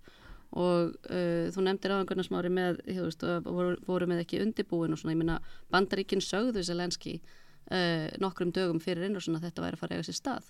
Þú mennst það þegar það fætti komið að þá vanta ekki rattinir í Európa-sessöðunni hvaða já, já, og hann sjálfur hann sjálfur er að hafa uh, dreyið það ef Svo eru það allir hissa þegar það ráðast inn þótt þetta væri sko margbóða morð. Já, já, já það er það sem ég var að segja sko. það, það er það, það sem er sko vangeta okkar einhvern veginn til að sko, átt okkur á því hvað er að gerast og geta uh, brúðist við í tíma það er stundur sagt sko að, að njóstarar séu mjög þarfir vegna þess að, að þeir, þeir vita þá, þeir hlera á hvað er að gerast og eiga að vita hvað er að gerast. Þeir þurfa að geta sagt eitthvað sem skilur fréttum Já, þeir þurfa að geta upplýst eitthvað sem að geta hafa móttöku skilinni til þess. Já, það eru þau sem hafa eiginlega brosti því það er eins og Evrópa hafi ekki verið almenna að hugsa um örgismál En þá kemur aftur fjölþóttaógnirna sko sem að hérna, til dæmis er upplýsingóreiða mm. sem eru þetta greiðilega mikil já, í já. samfélaginu og hún tengist þessum þáttum sem þú byrjar á að tala um líka Ingebjörg Sólur með uh, eh, hnygnum lýraðis, mannréttinda uh, staða fjölmila mm. uh, hérna, losasmálin mm. allir þessir þættir eru undir í þessu í áraðurstríði sko mm.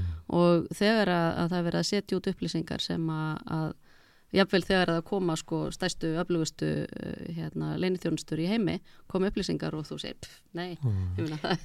Já, það er sko upplýsingaóriðan er, er, er, og eins sko af hverju átti maður að trúa þessu? Nei, nei. Af hverju átti maður að trúa þessu? Það var, það var, það var logið í aðdraðanda mm. írakstíðsins. Þar var fólki sagt að það væri aðstegandi ókn vegna mm. hérna þess að Saddam Hussein réði yfir, mm. hvað heitir þessu? Efnavopnum en, en sko svo reyndist það ekki vera þannig. Nei, nei. og ég upplýði það sjálf núna í aðdraðandi innrásunum í, í Ukrænu þegar bandaríkjum sendi út þessi signal. Mm -hmm. ég segi það alveg mm. satt sko, ég upplýði þá er þetta ekki bara aftur sama Já. sko, Já, sami blekkingar það er mentu afstæða þessi, þessi menn hafa verið að ljúa á okkur áratugum saman um alvarleg, alvarleg mál. Hví ættu við að trúa þeim? Já, hví ættu við að trúa núna? Já, Herðu, áður en að við tölum um svona upplýsingaóriðu og hnignum líðræðisins mm. að ef við horfum á sko heimsmyndina mm. þá eru við hérna lítið sker í Norður Allarsafi eh, inn á áhrifasvæði bandaríkjana. Skifta þessi ströngkvarf okkur okkur um máli?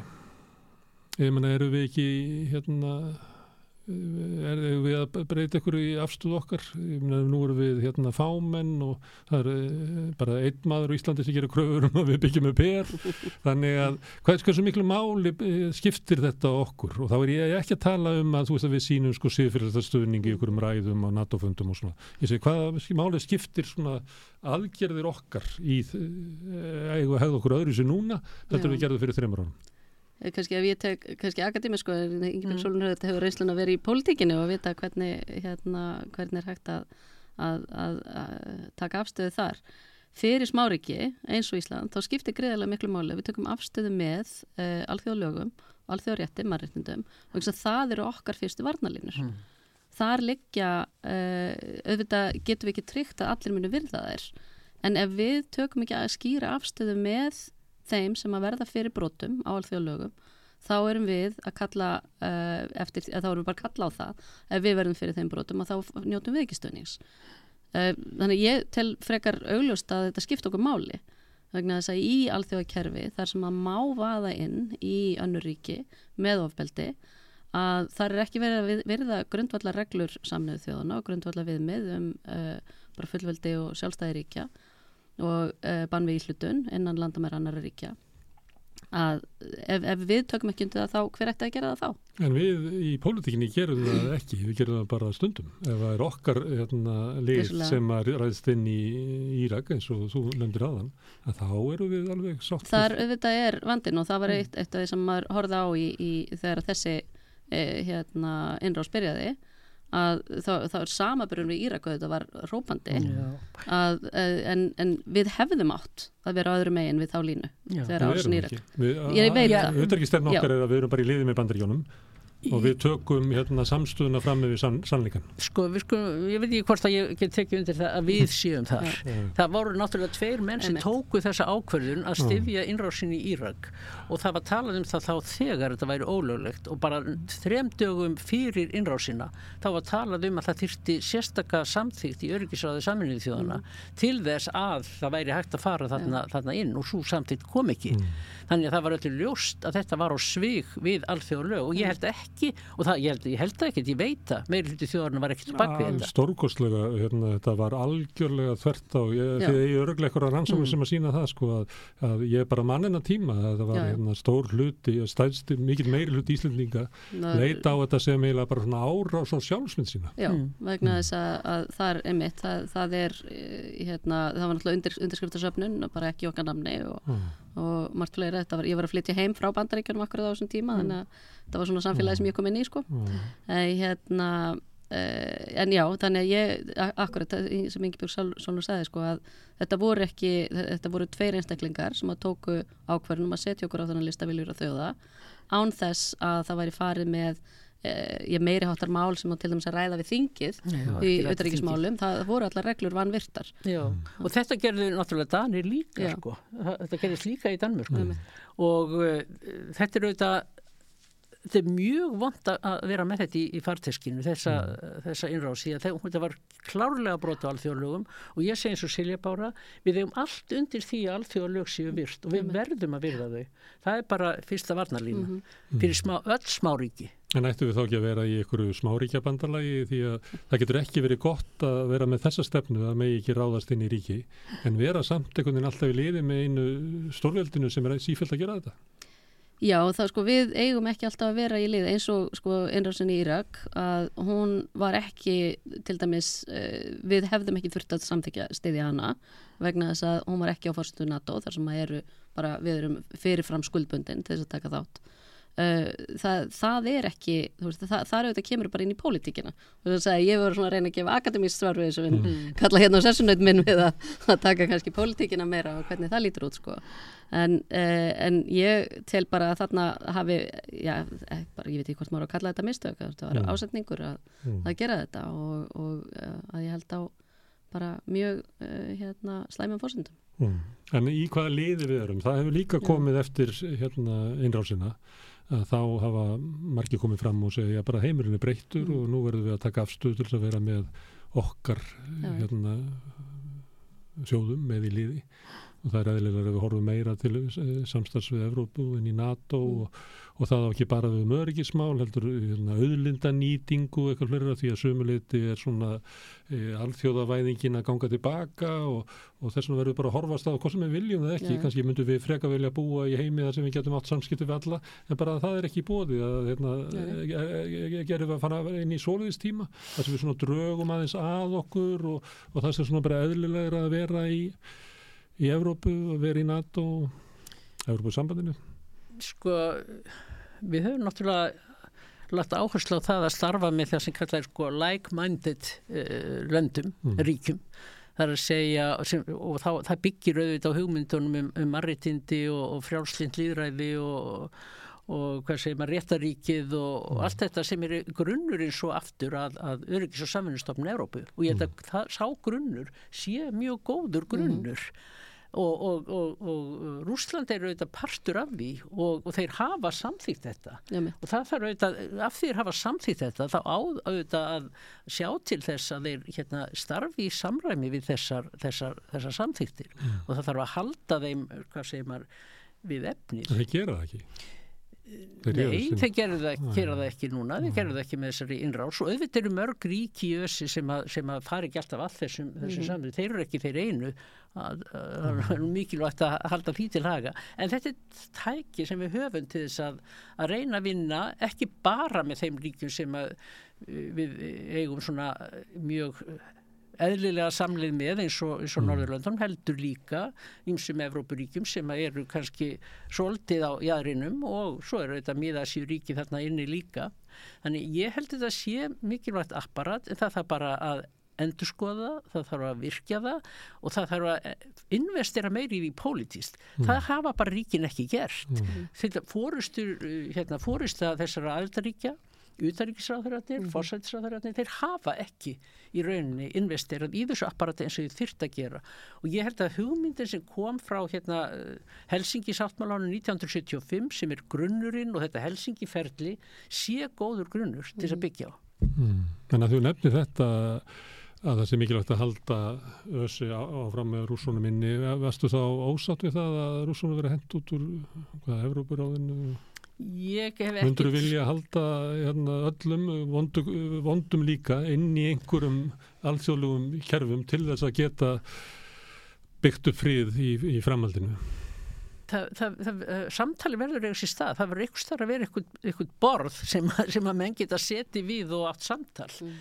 Ég held að það sé bara algjörlega nöðsilegt mm, Alveg þráttur löngun okkar að slaufa Putin Já, þráttur sko, hann, ég held að rúsarnir sé mikilvægt að rúsarnir séu í, í ösi og það sé samtal sem er í þessi stað í, í ösi mm. og ég held að það skiptir máli fyrir alla Evrópu En Silja, hérna, þetta með að, að þessi breyting ekki bara á, á, á eitt pól og tveir pólar og þrý pólar og alltaf heldur líka það að svona alþjóðavæðingin sé einhvern veginn að draga Já. saman. Það hefur náttúrulega, það er allt öðru í sig hinsmynd heldur undarfærið 30 ár. Það sem var eiginlega alþjóðavæðingin átt að vera að lausna allra okkar vanda. Já, já, og mörguleitu þetta eh, hérna, hefur hún þó stuðlaðan að uh, þróun og, og, og aukinni velmögun víða en hins vegar er bara eins og kom fram hérna í upphafi þá er misskiptingin líka mjög, mjög að, að aukast það er uh, hérna það er hins vegar alveg ljóst að ríki eins og við Íslandi, eða bara eins og við hér á Íslandi getum, við getum ekki lifað í, í heimi sem ekki er alþjóða vettur eh, við þurfum ekki annað en að líta á bara hver einstu vöru sem snertir líkam okkar á, á hverjum mm. degi, sko, það er eitthvað einhver þáttur sem að, að kemur við erum háðari utarikisviðskiptum heldur já, en allir. Já, heldur um bara allavega vel flest annur mm. ríki, sko Uh, það, þannig að við, við líka verðum að uh, viðhalda því alþjóðavæðingin hefur auðvitað aldrei verið jöfn, hún hefur ekki haft samskonar mm. áhrif uh, á öll ríki en Rúsland og Kína til dæmis sem við vorum að tala um að þau náttúrulega komið til dæmis bæðin í alþjóða viðskiptstofnunna njóta hérna, bestu kjara eins og, og, og við gerum á, á mörguðum Eh, þannig að eh, þess, þetta aðgengi að alþjóða mörgum hefur bara skipt greiðilega miklu máli. Uh, hvort að það er eitthvað að fara mikið að breytast ég veit það ekki, en ég held að veist, þetta er ekki endilega það sem við þurfum að, að, að hafa hvað mestar áhyggjur af uh, það svona vörurnar munu finna sinn farveg uh, finnum við þetta er margt að, að hækki verði og, og uh, matvæla framlýslan í Úkrænu hefur, hérna, hefur skipt greiðlega miklu máli fyrir allan heiminn og breytingar á verði þaðan og útflutningi. En, uh, en það eru kannski frekar sko uh, í hvað eru við að fara að setja peningun okkar. Mm. og þú nefndir aðan um eitt výbúnað Já. það er gríðarlega mikil výbúnaður og aukning í výbúnaði uh, sem að, að uh, peningur eru að fara í og það er ekkert sem að eitthvað hættir bara daginn sem að stríðinu líkur Mm. þannig að það er, veist, hvert, hvert, fe- hvert fara herinnir uh, hérna þegar að, að þessu stríði Já, vonandi líkur nákvæmlega. sem fyrst Það er verið að tala um að, hérna, það er, og það er bara fréttir af því alla daga, að Evrópuríkir að auka framlög til uh, varnamála Já. og flestu tilfellu bara til hernaðar Einmitt. og við konumst við það frá kröfunum um 2% af landsframlöslu sem eru hvað, svona, þetta er svona 8-10 pluss miljardar á Mhm. íslenska mælikvara. Þetta eru gríðalegi peningar og við erum að, held ég að eða 6 þannig ef að krafi einhver, tíman gerist það við borðið að all fátakari ríki NATO horfa á Ísland og spurja hvað eru þínir peningar og þá getur fólki ímynda sér er- hvaða, meina, hvað eru þeirri peningar teknir er það almanna þjónustan eða helbriðsþjónustan eða mentakerfið eða Mm. hvað er alltaf að finna þess að peninga alltaf að hækka skattana, alltaf að ríka fólki muni fjármagna herrin okkar. En Mm. þetta er Það er sem við höfum séð í, bara í Þýskalandi til dæmis, það sem að, að framlöktu hernaðamála raukabjór uh, öllum fyrir viðmiðum á mjög skamum tíma. Uh, NATO hefur kallað eftir 2% hingað til. Uh, það er alveg líklegt að við förum að sjá það viðmið hækka, þá erum við ennþá neðar. Hérna, Veistarslöndinu farin upp úr því já, já, þau náttúrulega komu um leiðil og komin í NATO og fó- fóruðu mjög markvist, þau voru lengi vel einu, band, einu ríkin fyrir utan bandaríkin uh, hvort það var bara Litáin, Ísland sem að, að var yfir 2% markmiðinu sko. þannig að hérna, að þau sáu strax uh, að þetta var þeirra leið til þess að, að uh, skapa sér örga stöðu innan, innan þess bandalags. En við höfum ekki farið þessa leið en hins vegar er, hefur verið greiðlega aukningin með einhverju töluðni í tölvunni sem er læst að, hérna, að, hérna, en sko aukningin sem hefur verið bara hér eh, heima á síðustu fjórum-fimm árum er alveg greiðaleg Mhm. og uh, það sem kannski við höfum verið að gera samt er að, að við, þetta, er, þetta, eru fjár, þetta er fjármagn sem við erum að setja í uh, að mestu leiti mannvirki í kringum keflauguflöðl þannig að þetta er ekki peningur sem er verið að flytja út það er ekki, og við erum ekki að kaupa vopni eins og, mm. eins og, og mörgunur ekki En Ingeborg, það er ekki klók leið ef að eitt af því sem við þurfum að gera er baróttan gegn ójöfniði Mm. að eigða peningum sem hefðu geta farið í því að byggja upp velferðarkerfi í hernað. Nei, það er ekki klókleið fyrir, Nei. fyrir heiminn í hilsinni að, að hérna, fjárfesta stöð meira í, í hernaði og, og viðbúnaði á sama tíma og, og þörfin er svona mikil fyrir að fjárfestingu í, í ýmsum eh, félagslegum úræðum og, og auknum jöfni en það þarf getur líka grafið undan öryggi þar með. já, já, Já. það getur gert það en, en sko, svo er aftur hitt að það er að reyna að ná ykkur af, af penningunum líka af þessu uh, ríka fólki sem er út um allan heim þessu uh, hérna segja sem maður segir á ennsku filthy rich fólki sem út um allt. Það eru þetta, sko, það eru þetta líka eitthvað sem að elur á, á hérna eða dregur úr öryggi og, og elur á, á svona frustrasjón það er að horfa upp á í mörgum þessar ríkja horfa upp á fólki sem veit ekki auðra sinna tal. Mm. sko það er, það er bara misbýður hérna svo mörgum það er í sjálfur sér hættulegt að leifa því að, að, að, að gerast. Uh, skapar félagslegan ó- ó- að óróleika sjálfsögðu. sem að veldur óöryggi Já, og og, og þó að menn geti komið einhverju tölfræð sem segir að millistjættin hafi stækkað þessi fleiri sem til er núna millistjættin þá ertu samt með einhvern sko bort sem er mjög neðarlega og einhvern eh, hérna, topp sem sem er mjög ofarlega. Og þetta stóra bíl það er það sem að menn horfa á En herfóringjar NATO er ekki með glæru sjó um það að berjast gegn ójöfnuði til þess að tryggja frið í heiminum. Ég, þeir hafa náttúrulega ekki það, það hlutverk Mm. sko, þegar þú beitir ekki vopnum í það Nei, hvað, hvað, hvað, hvað gerum við það? Eh, Ef að það, Það er er hérna, hérna ójöfnuður milli landa og ójöfnuður innan landa. Mm. Hvernig Það eru þetta pólitíkin sem á að, deila, á, á, á að eiga við það en um, ekki láta það í hendunar á herfóringunum Eh, En talandi um eh, sko, stofnanir sem að þurfa endur nýjun eins og alþjóðastofnanir, mm. það er ekki þá pólitíki svolítið að það er ekki eins og hún hafi tækin í þessu, hún er alltaf umræðu vettangin um þetta. Jú, auðvitað það er pólitíkin að, að hérna, þetta er verkefni fyrir pólitíkina og þetta er verkefni fyrir hérna, stjórnveld í hverju ríki fyrir sig og svo mm. þessi uh, fjölþjóðlegu stjórnveld að, að takast á við þetta. En eru eh, þau í, í, í góðu standi? Nú er hérna, minkandi tröst á, á, á stjórnvöldu. Það er þetta að mm. benda á nýgnun líðræðisins. Það er þetta að benda á nýgnun umræðisvettvangsins sem við höfum á millum okkar mm. með bara falli fjölmjöla mm. og alls konar. Já, já. Þannig að sömuleyti þá eru við kannski óvenju illa búir undir það að glýma við þessi, þessa þrautir. Eða hvað? Já, það má kannski segja það. Það má kannski segja það. Hmm. Hvað segir þú Silja?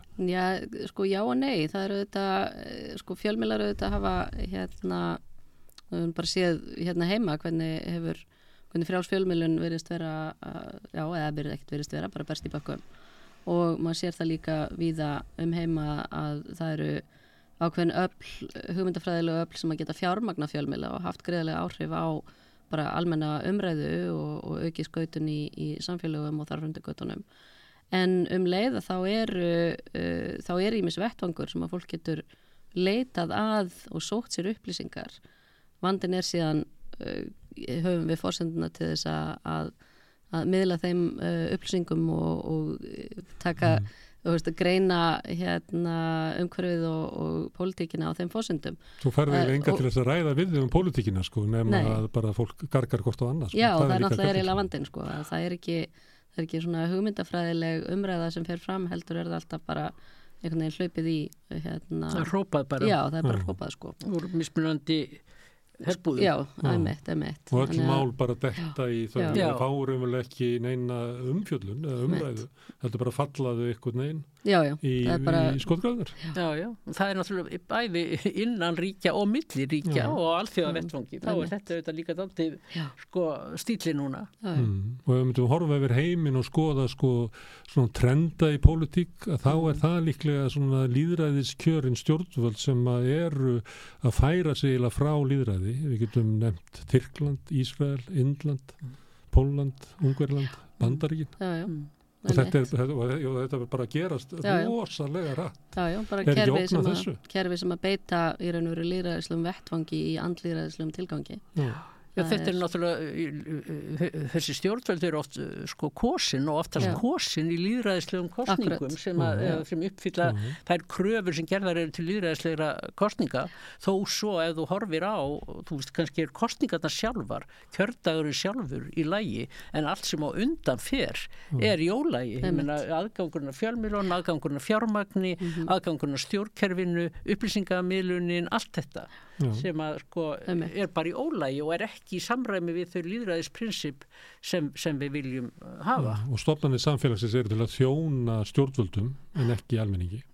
Já og við erum komið eins og þú varst að segja sko, það er, það er hérna í gegnum líðræðislega kostningar þá fáum við eitthvað stjórnvöld þar sem að sko viðmið er sko the winner takes it all Já. hann sá sem að, að, er kosin, hann mm. ræður og hann gerir bara eins og honum sínist mm. Kjósum okkur einræðs þeirra Já Ok, þetta er í heiminum svo verður við yngað hver er svona ógn hérna á Íslandi um, um skautun um, um veikara líðræði um, að þú veist þessi síður kannski með marga kjarna eins og maður býst við að þessi hugmyndunum svona vestrand samfélag þessu alls konar valdastofnarnir sem eru, eru, við að, eru við að þróast yfir í aukin völd miðstýrs ríkisvölds eða eru við blessunar og lausu þeirra þróum í heiminum Ég held að við höfum alltaf verið með miðstýrt ríkisvald sko, mm. og, og svona valdið frekar vel skilgreint eða alltaf, já, lengst af mm. svona í nútímanum en hérna, en sko hvaða er sem að, að ógnar uh, okkur, þá held ég að það sé uh, hugmyndafræðilegur uh, ágreiningur og við sjáum hvernig ákveðin, uh, ákveðinar hugmyndir eru settar fram til þess að, að búa til skautun og uh, eins og núna bara umræða um uh, transfólk að það uh, sé hópur sem sé ekki til og svona einmislegt annað. Þetta er innflutt, mm. uh, innflutt umræða sem að, að er bara sett inn í hérna, ég finnst mér allavega frekar lélegan uh, hérna, lélegan ramma hérna heima uh, eitthvað sem við ættum að, að hafa burði til sem samfélag til þess að, að bara já, þurfi ekki að takast á við þetta, þetta er ekki vandamál sem að, að bara ætti að vera til hérna. Það er svona umræða. Það sem að, að maður sér hins vegar er, þú veist hvaða er sem að fólk, fólki finnst ógna. Og ég er með núna, eins og segja, kannun í gangi sem að aðeins farin að fá nasa tefin af og mm -hmm. samanbörð frá því fyrir þreymur árum er að e, þá ótaðist fólk ekki að spenna í samskiptu fyrir Úsland væri eitthvað sem ógnaði Íslandingum eða Íslandi. Það fólk upplifaði miklu miklu meira núna fólk upplifið sér samt mjög örugt á Íslandi það, það tilur ekki mikla e, ógnstæði að landinu e, lofslagsváin er greiðaleg aukin framfæslu kostnaður Uh, efnags vandamál eru mm. miklu ofar heldur en vopnið átöki okkar nærumhverfi mm. eða, eða annað og ofar en áður? E, það, það, þetta hefur alltaf verið hérna, þrjú skiptir sem ég hef gert þessa konun, þá hefur þetta alltaf verið efst en hérna en lofslagsfáin er að, að færast ofar mm. og, og, uh, og eins og ég segi, það er svona meiri kannski ótti, meiri ótti við vopnið átök mun meiri ótti við kjartnorsku vá heldur en uh, hefur verið áður.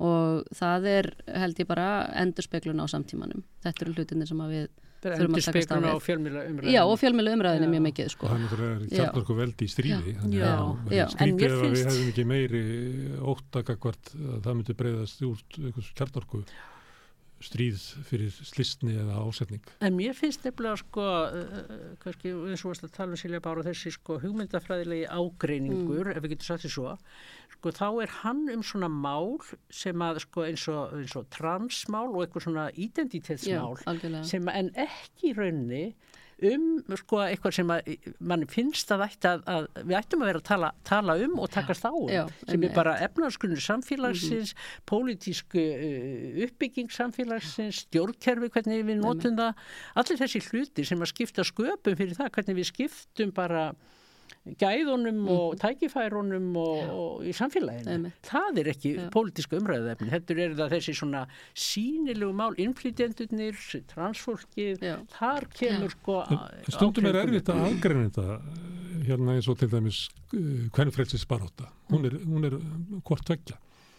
Hún er bæði hérna, í, þú getur sagt, identity mál, en hún já. er líka bara barótan um hún er eins og bara sambarleg og stjættabaróttan og sama með baróttu innflýtinda hún er svona sambarleg og bara stjættabaróttan það sem er verið að ræna hópa fólks bara eðlilegum tækifærum og, og lífsmögulegum og, og það er mjög mikilvægt að ræða um þetta og um þennan rétt á því identitetinu.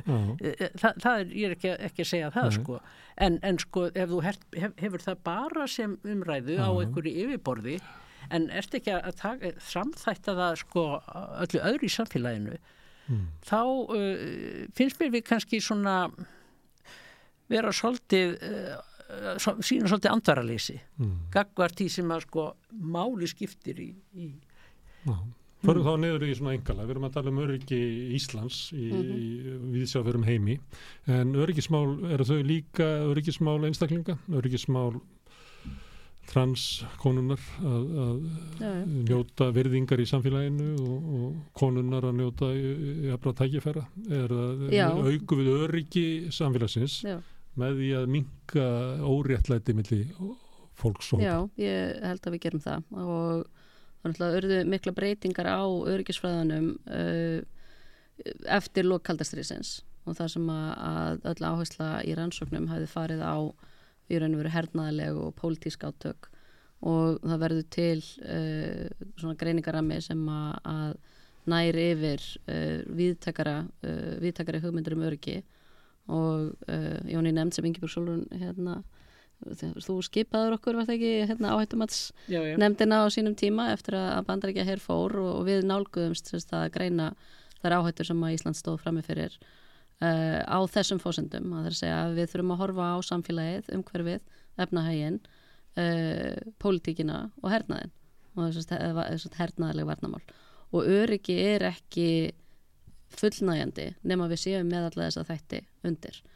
Og þarna sem sendir þá samfélagslegu þáttunum að þá erum við að tala um allt frá heilbreyðskerfi yfir í sjálfsmyndir og, og uh, jafnbrytti kynjana og ímislegt annað sem að, að þarf að vera tryggt en það kannski, þetta fellur oft í skuggan vegna þess að þetta eru atriði sem að við að mörguleiti sem samfélag getum tryggt innan okkar landamæra og verður ekki alltaf að alþjóðlegu viðfangsefni þó þetta sé það líka vegna þess að, að uh, ef að, að uh, jafnbreytti kynjana er ekki náð allstaðara þá, eru, þá er ekki jafnbreytti kynjana bara í heiminum. Uh, hérna, þannig að, að veist, þessi þættir þurfa allir að vera teknir inn í, í myndina og það er eitthvað sem að svona þú veist, mástundum hugsa um sem svona almanna öryggi, almanna varnir einhverju leiti, ná yfir marga þættir sem að varða umhverfið uh, en við höfum eiginlega ekki farið í það að, að hugsa um sko jafnbryttsmál sem öryggismál til mm. dæmis. Ekki einu sinni rétt konunar til þess að lappa heim eh, ein að kvöldi þegar það byrjaði að dimma já, það, já, þá, á þess að haldum liklakipuna Já, ég meina þú veist þetta, þetta, þetta nær mjög sjaldan inn í umræðu um öryggismálinu þetta er þetta Þetta er hérna, öryggismál. Öryggi, Já, þetta er öryggismál. En öryggismál þegar, þegar þetta verður á umræðu þá er eiginlega alltaf farið í að uh, horfa á uh, hernaðlega ja, varnarþætti Loftarseftilitið eitthvað. Loftferðaeftilitið Já, já, loftferða Það var til, hérna nú verð ég að spakka tilbaka og manni ekki alveg hvena var hugmyndin sem að var hérna sko, skildan til að vernda. Já, uh, og það var semst að, að ríki hefðu skildu já. til að vernda þegna sína. Einmitt bæði sko það væri skilda innan ríkja mm -hmm. og svo væri það líka skilda að breyðast við Já. ef að ríki væru ekki að venda þeirra sína Já. og þar næði þetta auðvitað inn í þessi Já. örgismál sem eru bara ábeldi eh, konum og, og börnum í, í, í samfélagum. Þetta er svona viðtækara örgishugtak en svo bara einhvern veginn datt svolítið botnin úr þessu umfæði, ég veit ekki hvað og hvernig. Misnöðu þetta svolítið í Líbíu. Það var, það var eiginlega þá sem að niður, uh, þegar frakkarnir misnöðu þetta uh, þessa, hérna, þennan ramma svolítið þegar að, uh, hérna, í Líbíu. Þegar í arabíska vorunu þá mm. var þetta notað svona til þess að fara í eiginlega meiri hernaðar Já, þið væri að fara já, inn til þess að venda íbúana hérna, fyrir stjórnvöld Fyrir ferðalduna, því ég misti það árað út um mér er það stendur hérna, samfélaginu ógn af ferðaldinu? Sannarlega. Ég held að ég standi mikil ógn af, ferðaldinu ég held að, að sko ef við lítum bara á þetta heimskipil okkar þá byggir það þetta á kapitalísku hagkerfi og svo mm. byggir það á aldagamlu sko ferraveldi og við hefum mm. séð þegar þetta kemur saman þá oft orði til svona sko forríkir og hálfsturlaðir valdakallar sem eru he hættulegir heiminum mm. og við sjáum marga svona valdakarla sem að vegna þess að, að sko völd spilla og algjörvöld uh, gerspilla mm. sem að sko fara fram með þeim hætti sem þeir gera vegna þess að það er búið að, að þeir eru með þetta eh, ferraveldi í, í, í genónum mm. Já, já, og svo sjáum við þetta, sko, þessi stóri mál sem að, Ingeborg Sólur nefndi hérna strax í upphafi, þessu lofslagsmálin að við sjáum líka bara hvernig, sko, karlmennska og, og hérna uh, spilar saman við, það er hérna Uh, til hugtök sem er hérna, petromasculinities mm. uh, olíu karlmennska mm. að uh, við, já, að, að viðbröð feðraveldisins við til dæmis ungum konum eins og Gretur Thunberg sem að, að er að tala um framtíð sinnar kynnslóðar að þetta endur speiklar auðvitað bara hvað það er eitruð karlmennska byggð inn í samfélagið okkar hvort sem að það er uh, hér í okkar nær samfélagi eða á alþjóða vettvangi ákvarðinir eru teknar uh, kerfin eru smíðuð af körlum með þarfir karla í huga mm. og uh, sum staðir er það kannski eitthvað aðeins að byrja að breytast en það er hérna, mm. það eru mörg högg eftir mm. Já, já, og þú getur séð hvað hérna ferraveldið sko verður, getur orðið stór hættulegt þegar saman fara sko svona einræðistilburðir og kerfisbundi hvernfyrirlitning. Mm. Þú sér það eins og hjá Putin mm. til dæmis og hjá af, fleirum. Þegar sko, heimilisofbyrði var afglæpavægt í Rúslandi fyrir einhverjum 5-8 árum mm. uh, hérna, alls konar þetta aðrir hérna Já, og það er tilbyrðir sem að maður við séð sko. og það er mjög áhugavert sko að þú getur séð það að því við erum að tala um svona uh, hvað kallar maður svona early warning þar sé að þú ert að horfa ríki svona, svona, þá er, já. hvaða rauðu flögg eru sem að gætu verið vísbendingum að samfélag sé að þróast í mjög varasama átt og sé líklegt til þess að verða svona árasakjant mm. þá getur þú horta á einmitt töluvarðandi ofbeldi gegn konum Mm. getur verið heimilsofbeldi Já. eða almennt ofbeldi það er alltaf, það er alltaf sko rýsandi og líka þegar ríki ákveða að takmarka rétt hvenna til þungunarús jájá, það er líka það er vísbending bandaríkin að vera bara bú, bú, bú það er, blí, það er blíkandi ljós Já. það er um eitt það er, er, uh, og þar auðvitað er staða hvenna í, í bandaríkjunum auðvitað er uh, alveg ótrúlega léleg með að við sko hversu efnað og yðnvætt og uh, já, hversu framalega bandarækjumenn telja skal vera í líðræðismálum mm. að þá hafa konur auðvitað uh, þær sæta mjög miklum takmörkunum og, mm. og núna nýverið þó að það auðvitað eigi ekki við allstaðar, það er í sumum ríkjum en, mm. uh, og, og aftur mun aldrei snerta efnaðarkonur svo engast það er geta ferðast á milli ríkja til þess að fá það þjónustu. Já, langt mest sko en ekki, ekki engöngu. Það eru líka uh, ríki sem eru svona kannski oftar uh, mm. undir stjórndemokrata. Ef ykkur er að hlusta okkur og segir, ég menna, hvað er öryggismál, það er náttúrulega að tegja það yfir allt sko, ég menna, ég alltaf er öryggismál eða verður við ekki að tala um öryggismál sem eitthvað, er þetta að tólka allt sem öryggismál? Hérna, því að því sögðu hafi verið meira rætt um þetta á, á þessum nótum fyrir árum áður og svo hafi verið hætt Hvað, hver er ykkar afstæðum það? Eða var að leifa okkur að tala um feðraveldið sem örgisókn í, í samfélaginu? Eða verður við þá að endur við þá að segja allt sé örgismál? Nei, þetta er náttúrulega spurningin um sko að greina millir örgis og svo varnarmál. Já. Þetta er náttúrulega, það, það er kannski ekki, ekki sami hluturinn. Við erum að tala um örgismál sem er um líka inn á við. Já.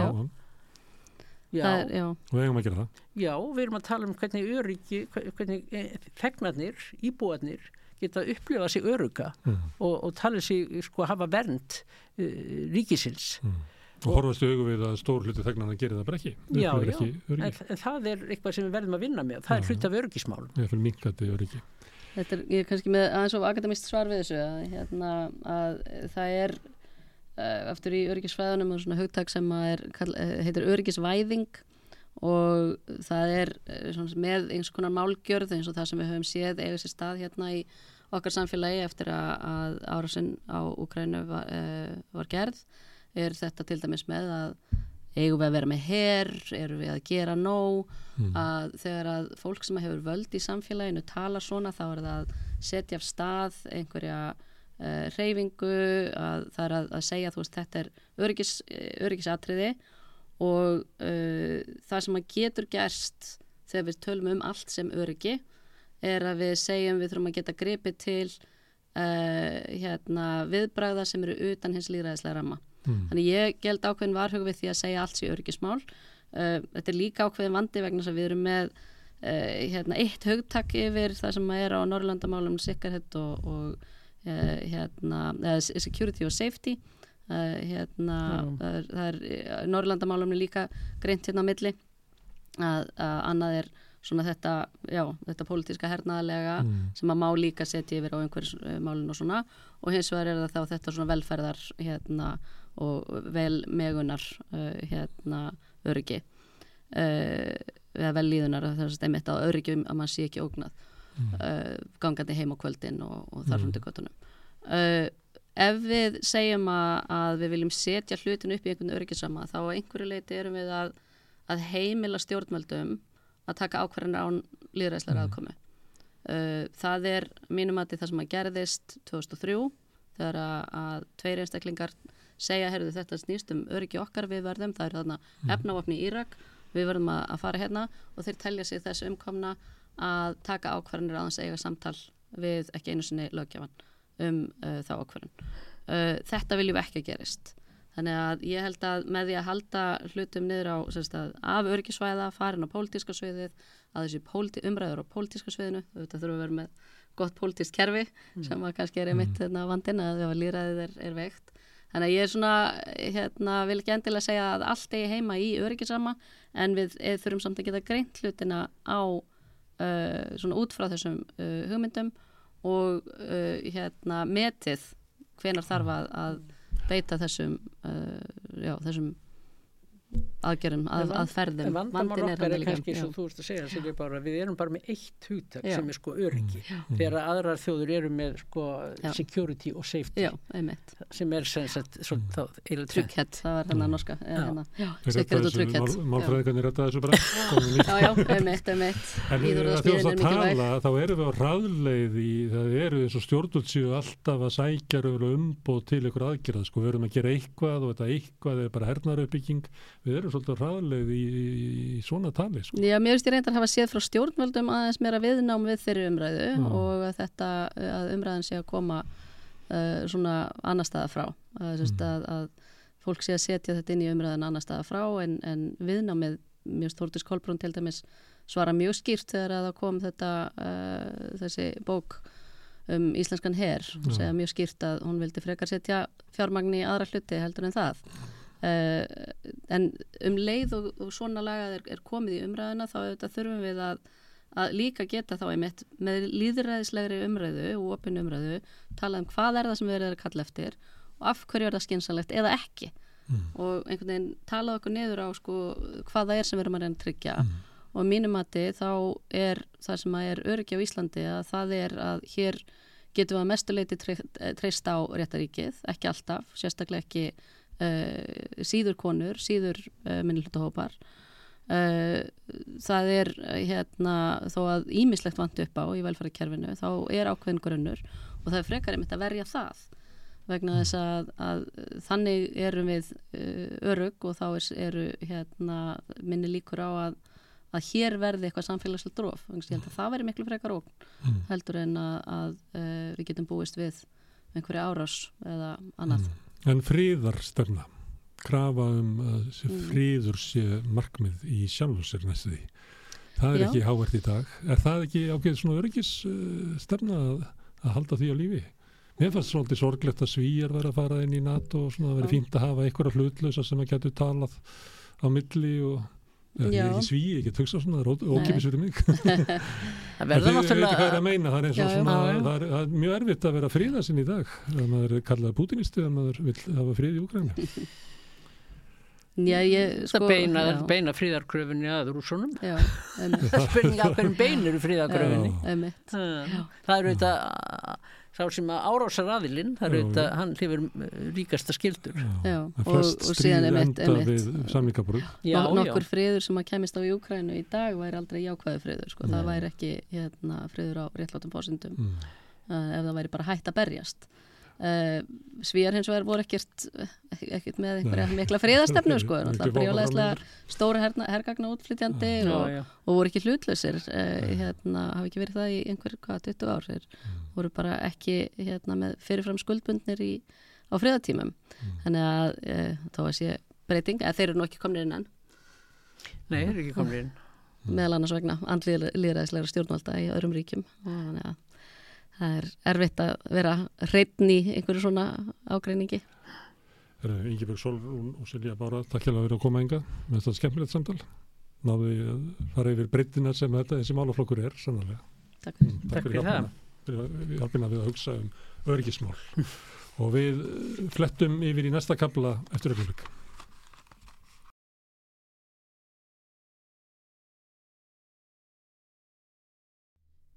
öllumleika Við ætlum að halda áhrifum að tala um gerfigrind, við hefum gert það svolítið uh, undanfjöndum vikum og núna er komin hingað maður Þóraldur Magnússon sem er unni með gerfigrind svolítið í langan tíma á kannski svæði sem að maður myndi ekki uh, rekna með. Uh, þú ert með gerfigrind sem að þú setur hvað inn í hljóðfæri? Já, ég er hérna kom til Íslands fyrir nokkrum árum rétt fyrir, uh, eða bara í kringum COVID og var svo heppin að á sama tíma þá fekk ég hérna Evrópustyrk uh, styrk frá Evrópska rannsóknaráðinu fyrir uh, fimm ára verkefni sem við settum upp við Listaháskóla Íslands. Og þar eru við að rannsaka hvernig gerfigreind getur verið partur af hljóðfærum. Og við erum að smíða hljóðfæri sem við höldum á og spilum á og, og, og erum svona aðtöða hvernig fólk bregst við tækjum sem aðlaga sig að persónuleikað flytjandans hvernig tækin þróast í handónum á fólki og hvernig tækin geta verið svona virkur þáttakandi í tónlistarflutningi og því að semja tónlist Hvernig virkar þetta? Ég spila hljóðfærið sem er með svona Já. að þá gef ég svona bara hint og svo klára hljóðfærið ákveða hérna hvernig tónin er og annað slikt og svo læri hljóðfærið á það svona reynir að sirka út hvað ég vil svona helst, hvað ég ránaði með.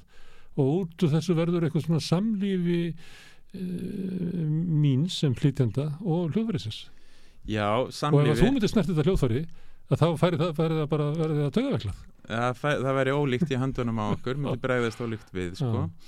Og, en við erum að þróa ólík hljóðfæri sko. eitt hljóðfæri getur verið þá bara eins og til dæmis haldurafótnin þar sem við erum að þróa gerfigreint sem partur af hljóðinu. Það er svona feedback í því hljóðfæri.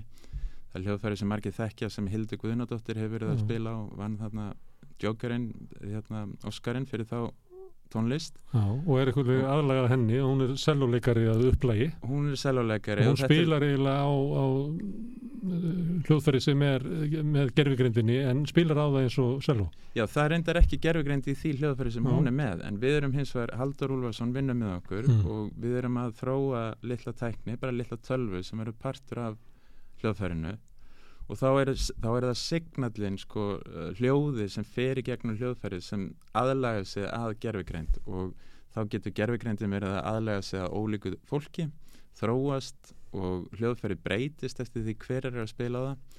Mann getur gefið í hrós eða, eða, eða sagt að maður líki ekki eitthvað. Mm. og þá getur hljóðfærið breyst í handunum á ólíku fólki en svo getur þetta líka verið bara alls konar sko, við erum að vinna með gerfi líf líka gerfi líf, artificial life. Oh.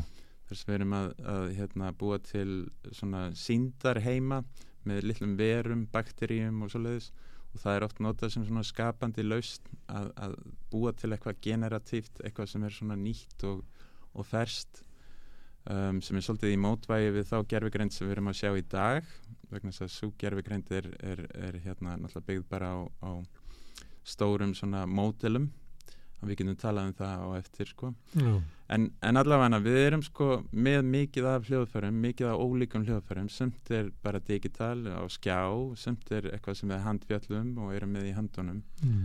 og við erum svona að rannsaka verkefni gengur eiginlega út á það að rannsaka hvernig gerfigreind um, hvernig við bregðumst við gerfigreind Þannig þú ert til að rannsaka flytendan frekar alltaf en gerfigreind Nákvæmlega, við höfum áhuga því hvernig fólk bregst við og hvernig fólk svona tólkar og, og hvernig því líður með gerfigreindina í höndunum og þessi persónlegu tengsl við gerfigreind og hljóðfæri er náttúrulega frábært svona svið fyrir þá rannsókn vegna þess að hljóðfæri eru tæki sem við höldum á oft marg, marga tíma á dag. Mm. við erum að æfa okkur, við erum að spila og, og við höfum svona náið hluti af personuleika okkar myndir margir hljóðfærileikar að geta sagt? Akkurat, bara framlenginga líka mannum sko á svolítið annan hátt en, en kannski sko bröðnýfur eða eitthvað svona sem skiptir ekki máli alveg hvernig er sko. Og, og, og hljóðfæri eru sko ágætt líka, við getum gert tilraunir sem eru ekkert hættulegar sko. get, þú ferði ekkert að gera nennar svona brjálaða tilraunir með sjálfkerrandi bíl sko, mm. Tesla eða eitthvað svoleiðis það er bara hættulegt mm. það eina hættulega við að, að hérna, leika sér með gerfegrendi í tónlist er að tónlistin geti verið svolítið léleg sko, mm. en það deyir engin sko. það er þá kannski spurningin sko, bætir þetta músikina? Það er einn mælikvarinn á þessu hvort þetta sé gott. Er það ekki með góð músík út úr þessu? Já, já, alveg, engin spurning. En það er bara náttúrulega fyrir eftir því hver er að semja og, mm. og hver er að hlusta. Uh, tækni, sko tónlist og tækni eru órjúmanleg og, það, og við höfum alltaf verið að nota tækni í tónlist hvort sem það eru bara spýtur til að berja eða beinflauta eða orgel sem er náttúrulega sko, stórkosli smíð. Stórkosli smíð sko, og hérna, ég hef nú oft sagt að, að sko, ímyndið er að vera á miðöldum í einhverju evrópskri borg og kemur inn í einhverja domkirkju þá er orgelið það magnaðist að tæknilega undur sem þú hefur nokkuð tíma séð líklega sko. kannski einhver svona hernaðatæki einhver slöngu bissur til þess að fleita eitthvað. Tortímandi. Já, já það er, þetta er alltaf stórkostlegt að tæki til þess að búa til fegur sem að maðurinn hefur smíðað eða smíðaði áratugum saman, ég veit ekki hvort það sé öldur saman, ég veit ekki hvort að maður sem búin að ná einhverju við líka í svona tækni. Já, ég myndir segja að sko, það er náttúrulega ótrúlegt hvað er að gerast í dag með tölvu tónlist og svo leiðis að, að hérna, við erum komið svo langt í tækni að, að, hérna, að þetta er hálgert undur bara hérna, og mm. við erum ekkert komin neitt rosalega sko, þetta er rétt að byrja bara í gættinni. Já, við erum í gættinni nákvæmlega. Hérna, en uh, þú ert tónlistamæður og sem að letist út í heimsbyggi og hvaða hérna í hverju er þessi tilrun er þetta til, þetta, þetta tengist þetta list rannsóknum eða er þetta heimsbyggi er þetta tilvistarlega rannsókn á örlögum þess sem að fær hérna hljóðfæri sem að vil þroskast með viðkomandi og verða eila hluti af tilvistans eða hvað, um hvað er þessar rannsókn? Já, góð spurning. Ég líti á tónlist sem bara hagnýta heimsbyggi í tónlist erum við að rannsaka alls konar spurningar hvort sem það eru um félagslegar eða um samband manneski og tækni eða tónfræði, skilning okkar á, á tónvísindum og, og, hérna, og sálfræði bara hreinlega, það er sko, þetta er bara hagnýtt heimsbyggi og, og þá er þetta þannig um tónverk. Já, ef ég sitt bara að hlusta á 50 symfóníum Beethoven þá er ég að hlusta á rannsónaverkefni um tilvísmannsins Ég myndi segja það og þú getur séð til dæmis í, í hérna á sjönda áratögnum þegar hérna free improvisation var að gerast svona stert í London og í Ameríku og svona þetta var alveg í samhengi við þær félagslega byltingar sem var að gerast í pólitík og öðru mm. að tónlistin er svona að þróa einhver ný form sem við horfum á og, og, og, og þetta eru tilraunir sko, þetta eru tilraunir um samskipti og samvinnu og hvað það er að búa eitthvað til saman sko mm. og þá í okkar verkefni þá erum við bara reynlega að reyna að skoða tilgang sko, eða, sko, samband manns og gerfugreindar mm.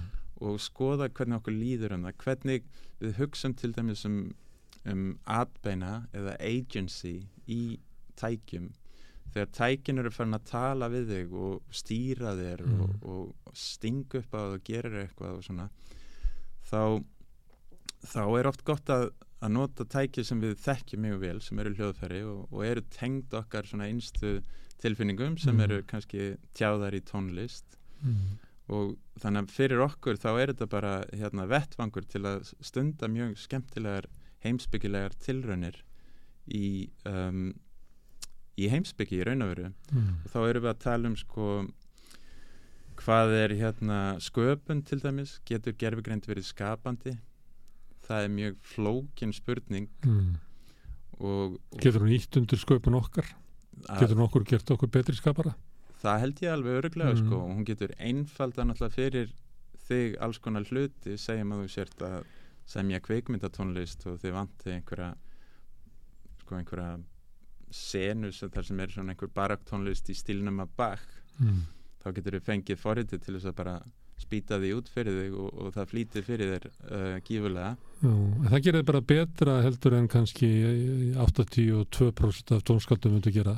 Ég myndi segja sko, en, en þú veist, þú færð aldrei þú bara, siglum bara í áttina ykkur svona meðal mennsku eða er það ekki þannig? Eða, hjá ykkur getur þetta verið skapandi á meðan að kannski gerfigreindi sem er búið að vera að tala um undanfanda vikur er eiginlega bara fortíðin í stórum sílóum sem að ælir út þessu þekkingu sem að er kannski ekkit merkilegri heldur bara meðaltal internetsins mm. eins og mennur kannski átt að segja núna sem er svolítið ógnarlegt að gerðvigrindin er kannski ekkit klár mm. hún er bara eh, hún er akkurat jafn heimsko viðurum Já, þetta eru mjög góða spurningar sko, og ég myndi segja að sko, þegar við til dæmis erum að kenna tónlist og við kennum nefndum að semja eins og bak bara til þess að þau læri fúkuna mm. og, og tæknina og svona mm þá komaðu upp með einhver verk og, og þau eru bara ágætt mm. og gerfigreinding semur ágætlega líka. Og þetta er svona svipa bara. Já, annar, annars ásnemi í, í, í tónsmíðum. Já,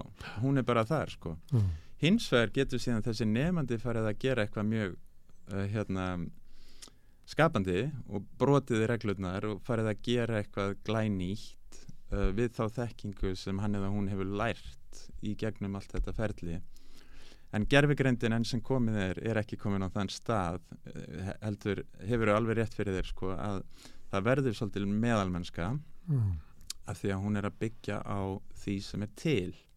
Hún er að byggja á því sem hún er að byggja á fortíðinni.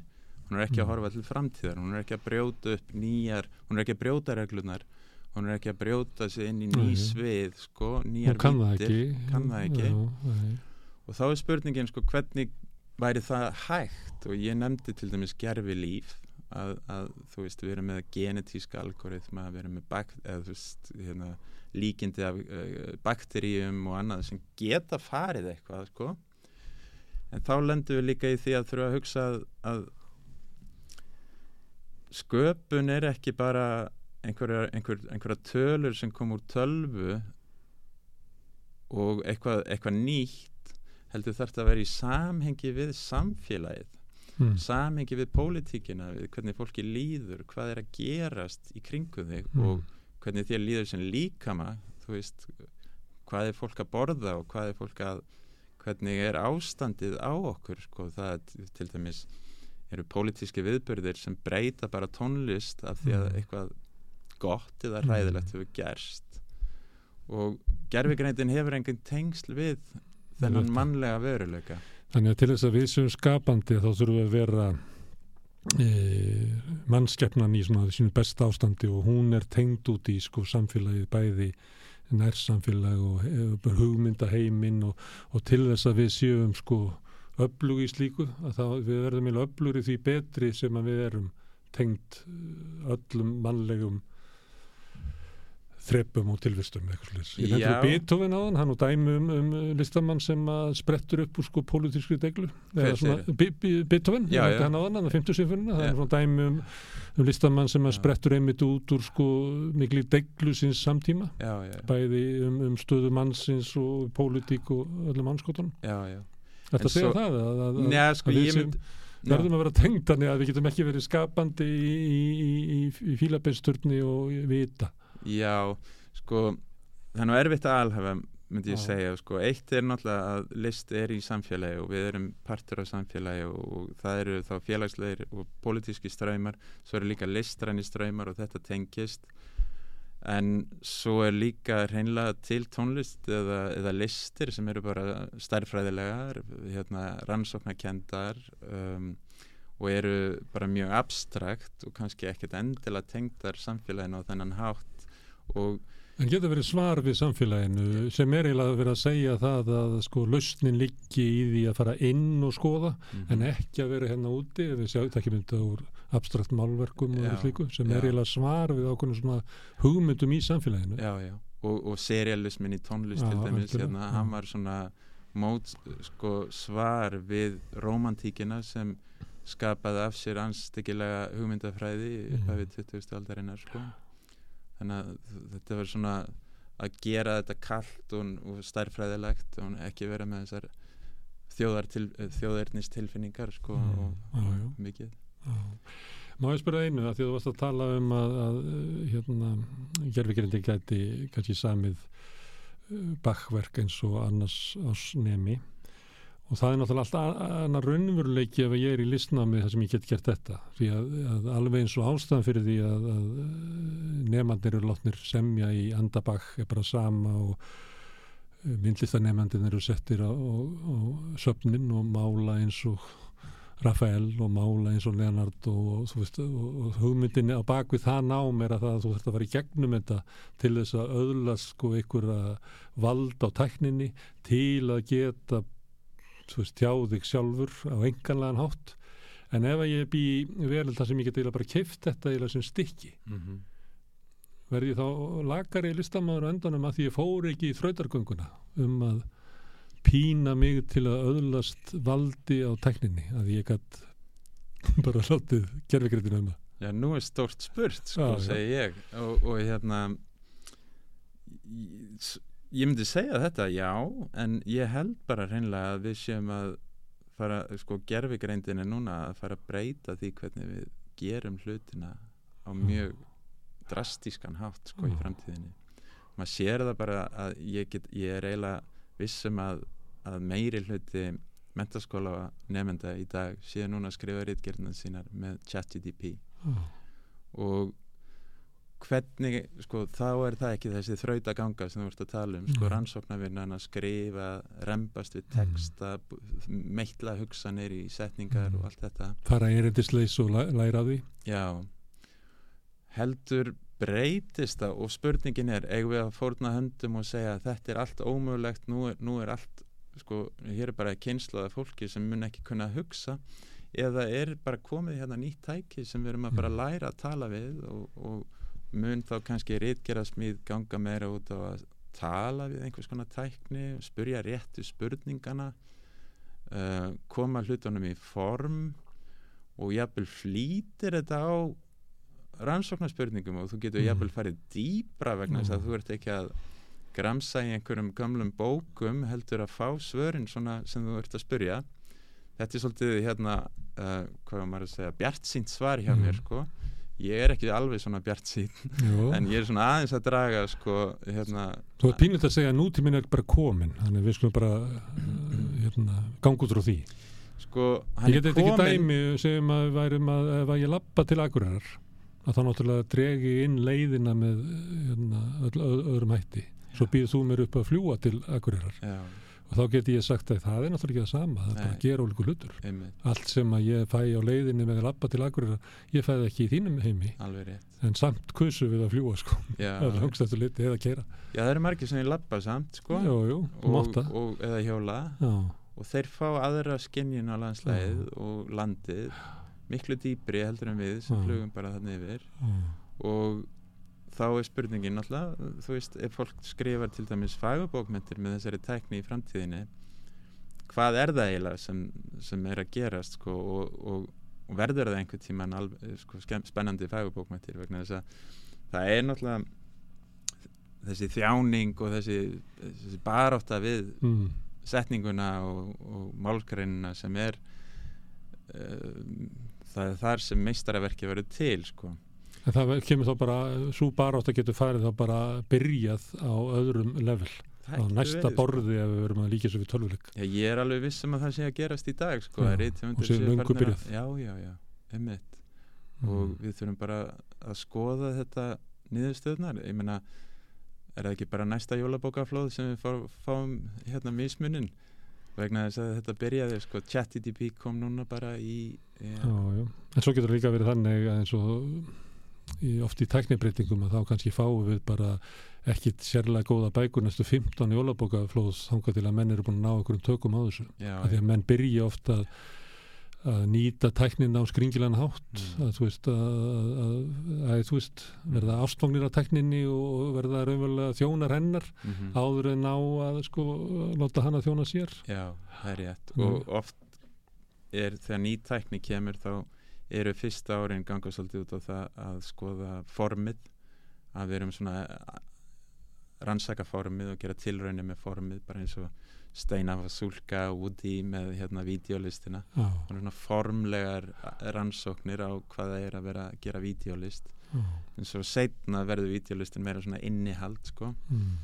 og, og ég, ég ég held að það sama gerist náttúrulega með gerfigreindina við verðum við erum svona í forminu núna og, og dýftinn og, og það sem svona raunverulega mun koma mun mm. taka ár eins og þú segir mm. sko Þannig að út úr hljóðfærunum þínu munu koma svona undarleg kvalaljóð sem að menn eru að svona leika sér að því um einhver tíma áður það kemur fagur söngur Það er oft í, með tilröðin að kenda tónlist sko við hérna erum að vinna með tækni og, og tól sem síðan verða að uh, einhverju sem er notað í, í meira svona almennri tónlist mm.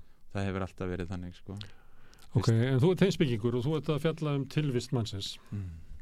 og hérna og þá er það svona getur maður spurt sko hver er ég og allt þetta og en ég er hérna tæknin er svo stór hluti af mér, ég meina ef þú myndir týna síman í þennum þá ert ekki samur þá að finna hann aftur. Það er bara, það er svo stór hluti af okkur sem er eitthvað neginn við erum búin að útvista út úr okkur inn í við erum búin að útvista minnin á okkur sko. Að mann einu sinni kunni maður sko 400 símanúmer sko en ég kann ekki rétt mann mitt sko í dag.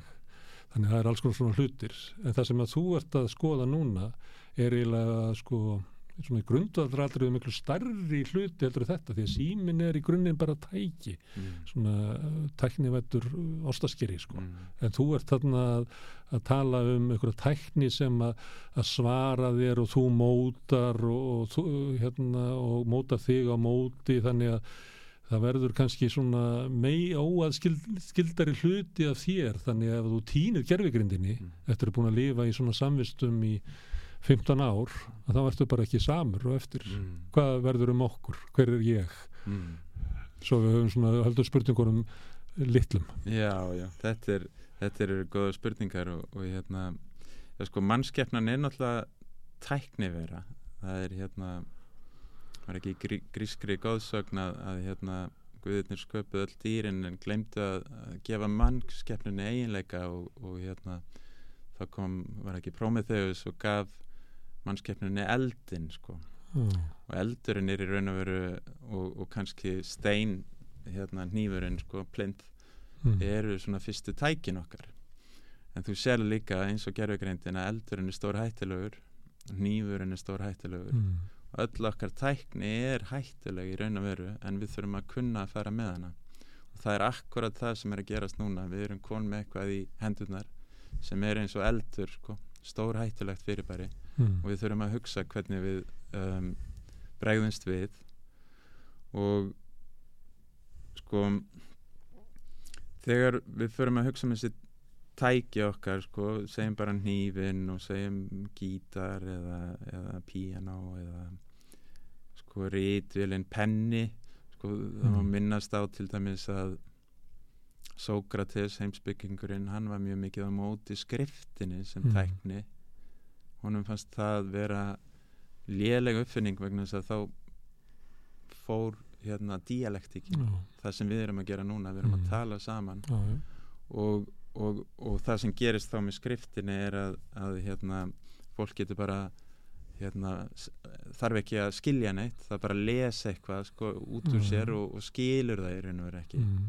Upptökur til þess að tónlist það má alveg halda því fram að hefði haft skadli áhrif á tónlistarlíf það má halda því fram það sem áorður mættu bara salin og vildu heyra músíkina sem þau heyrðu heima þessar Já. og svona galdur augnabliksins einhvern veginn staðnaði og þróun það má halda svona fram en Sókratis var ekki alveg eitthvað og þannig að við ekkert vitað en svo satt Platon þarna og skrifaði þetta allt niður eftir honum og, og hérna og, og í fætrus þá kemur þetta fram sko, hann skrifaði þessa bók og og ég held að við séum á svipuðum stað í dag að við erum með tæknir sem er að fara að breyta okkur. En munurinn er svolítið sá að þegar við skrifum þá erum við að setja hugsanunum okkar út úr okkur sko, externalizing við erum að mm. setja hlutina í rými og það er að sama með síman sko, hann er svona uh, hálfskona fram, framlenging af, af líkamannum, prosthesis.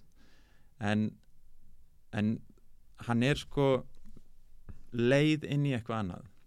Það sem er að gerast núna með gerfugreindin er kannski að við erum ekki bara með tæki til þess að hjálpa okkur að koma einhverju í verk einhverju sem við erum búin að ákveða. Þetta er ekki sko eins og grafa eða jarðýta eða, eða þú veist einhver tæki sem, sem einfælda okkur lífið á einhverju sem við erum búin að ákveða heldur er þetta komið inn í hugsunum okkur. Mm -hmm. þannig að nú erum við farin að hugsa með þessum tækjum og það verður ekkert svo langt í það. Ég menna það er verið að vinna í þessum rannsóknum núna að, að, hérna, að þessi tæki verða bara hreinlega tengt heilanum á okkur í gegnum mm. uh, sko að við getum þá bara hugsað og fengið nýjar hugsanir og svona í gegnum um, vélanám mm. og ólík tæki tengt ólíkum heilum. Já þú ert vellauður og þá óttu efna og rosalega fínu tæki sem að stækkar vitundína en ég er fátakur á bara efni á einhverju lítilli verspu sem að gera mig ekkert mikið skári talandi um þetta frá þessu sjónarhóttni politíkinni sko, já, já. er þetta eru, þetta, þetta eru erfiði tímar framöndan sko við erum náttúrulega mm. líka að, að, hérna, hugsa núna um sko við erum að nota tækni sem erum búið til af fjórum, fimm stórum fyrirtækjum í bandaríkjunum mm. sem hafa þetta gífulega tölvumagn um, og aðganga þessum upplýsingum og mm. tíma til að þróa þetta og vísindarmenninin til að rannsaka þetta og núl samfélagslega ábyrð já, akkurat. Þetta, ég, þetta, þetta, þetta, þetta er fyrirtæki sem bara hafa enga samfélagslega ábyrð Nei, þú sér það bara með Facebook og Google og, og Twitter hvað er búið að gerast. Hérna, það er engin ábyrð en, en hérna þetta er svolítið fyndið sko að því að við erum svolítið líka kannski að fara að tala um háskóluna sko að, að þessar rannsóknir eru komin í þessi stóru fyrirtæki að háskólanir hafa ekki uh, burðarmagn í að, að gera þessar rannsóknir á þessum gífulega tæknilegu hérna, mállíkunum uh, large language models Já, og háskólanir eru nærði að tengjast uh, svona líðræðislegum vettvangi samfélagsins heldur mm. að þessi fyrirtæki. Já, þeir eru það náttúrulega, það er þeirra hlutverk Já, Já. Og hvað gerum við því? Já, við þurfum náttúrulega að vera með sko góða háskóla til að vera þarna mótvægi. Við mm. getum ekki látið þessi fyrirtæki hérna, stjórna algjörlega hvernig við hugsaum og, og hegðum okkur.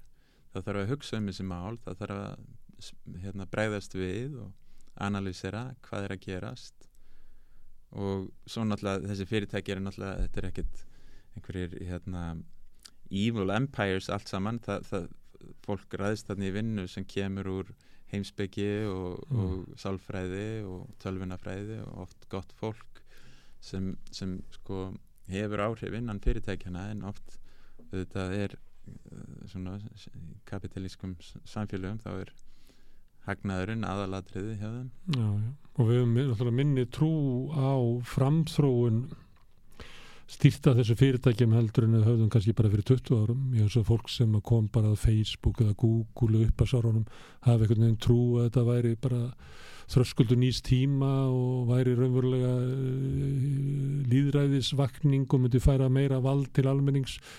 Það er ekki margir sem að halda því fram í dag að svo sé. Þetta hafi leittið þess. Nei. Það er nú hérna margir af þessum postulum internetsins um, hérna, frjálsa orðræðu og annað sko, eins og Jaron Lanier sko, eru núna bara reynilega að kalla eða hvetja fólk til þess að leggja niður hérna, félagsmiðluna sína og, og, mm. hérna, og hætta þessu sko, vegna þess að þetta hefur ekkert gott í förmið sér Það eru það sama á þeir sem sköpuðu kjartokursprengjuna Þetta er svolítið þannig sko, mm.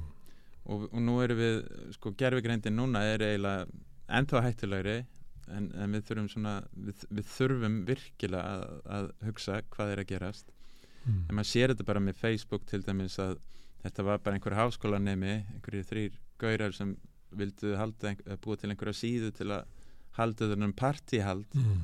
og kynnast hvort öðru og svona í skólanum svo verður þetta að þessu gífulega fyrirbæri en þetta voru tölvunarfræðingar. Þeir höfðu ekkert vita á mm. samfélaginu eða samskiptum eða sálfræði eða neitt svoleiðis.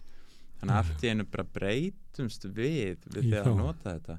Við erum allt í einu bara eigum einhvern kunningja og við erum farin að horfa á í hérna brúðköpsmyndirnar hjá, hjá þeim sko, mannst mm. eftir því þú sást það fyrst? Fannst þér ekki eins og þú verður að kíkja á eitthvað sem ég ætti að sjá?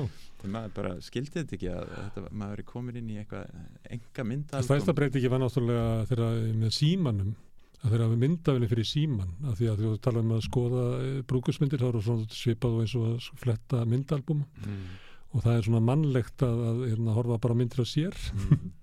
og þegar við fengum sko valdið til þess að mynda og dreifa að þá uh, sjálfsmyndir urðu mjög fljótlega sko 90% af öllu sem á dreift Já. það er svona Já. það er svona dæmi um það þegar þú flytur til valdið að þá áður var það sko samfélagi sem að sættis ekki við þetta þegar var eitthvað svona almenningu með síðareglur um hvað það máttir ennum að það er hérna þegar að maðurinn fær að tróða sjálfum sér inn og það er hérna accepted ræð að þá hérna fyllist alltaf sjálfsmyndum og sjálfshóli og, og Ég bara man eftir því sko hvernig þetta gerðist. Ég satt á kaffehúsi í Lissabon og sá einhverja kínverja með, eða Japani með hérna selfie stick. Ég hafði aldrei séð annað eins. Þetta var rosalegt sko. Þetta Rísa, var kultursjokk fyrir mig já, sko. og þetta er líka síðfyrirstæð stökk að taka mynda sjálfsög af því að áður en það var gert og það varði náttúrulega bara fór svona eins og hérna þegar eh, sprakkaði þá, rofnaði gáttina þá fóruð út um allt mm. en áður en það var, þá var þetta ekki sko samfélagslega ásættanlegt mm. að vera að taka myndir í sjálfs til að sína öðru fólki sko. mm. þannig að þetta eru eru stóra breytingar. Herðu, en þú hefur stundu sagðir á þann að hérna, ný tækni er eins og eldur mm.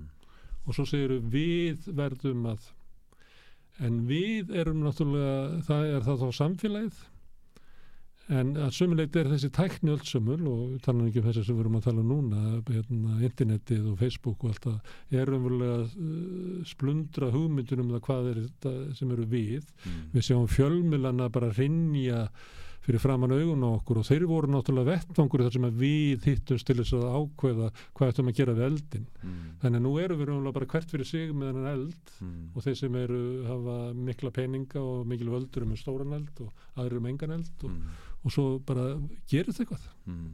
eða hvað Já, hver eru þessu við sko? það mm. er náttúrulega stofnarnir samfélagsins og, og þar kemur háskólakerfið náttúrulega mjög stert inn sko, og ég, ég hérna bent á það í þessari vísiskrein sem við vorum að já. tala um að það er náttúrulega hugvísindin og félagsvísindin sem geta og hafa tækin og tólinn til þess að, að bregðast við og skilja hvað er í gangi hérna vegna þess að verkfræðin og tölvun, tölvuvísindin sko er ekki að fást við þessar spurningar hvernig við bregðumst við hvernig, hvaða áhrif mm. þetta hefur á hugsun okkar og hugmyndir um sjálfið og samskipti og, og annað sko mm og þegar tæknin er orðin þannig að við getum sko verið með deepfakes til dæmis Já.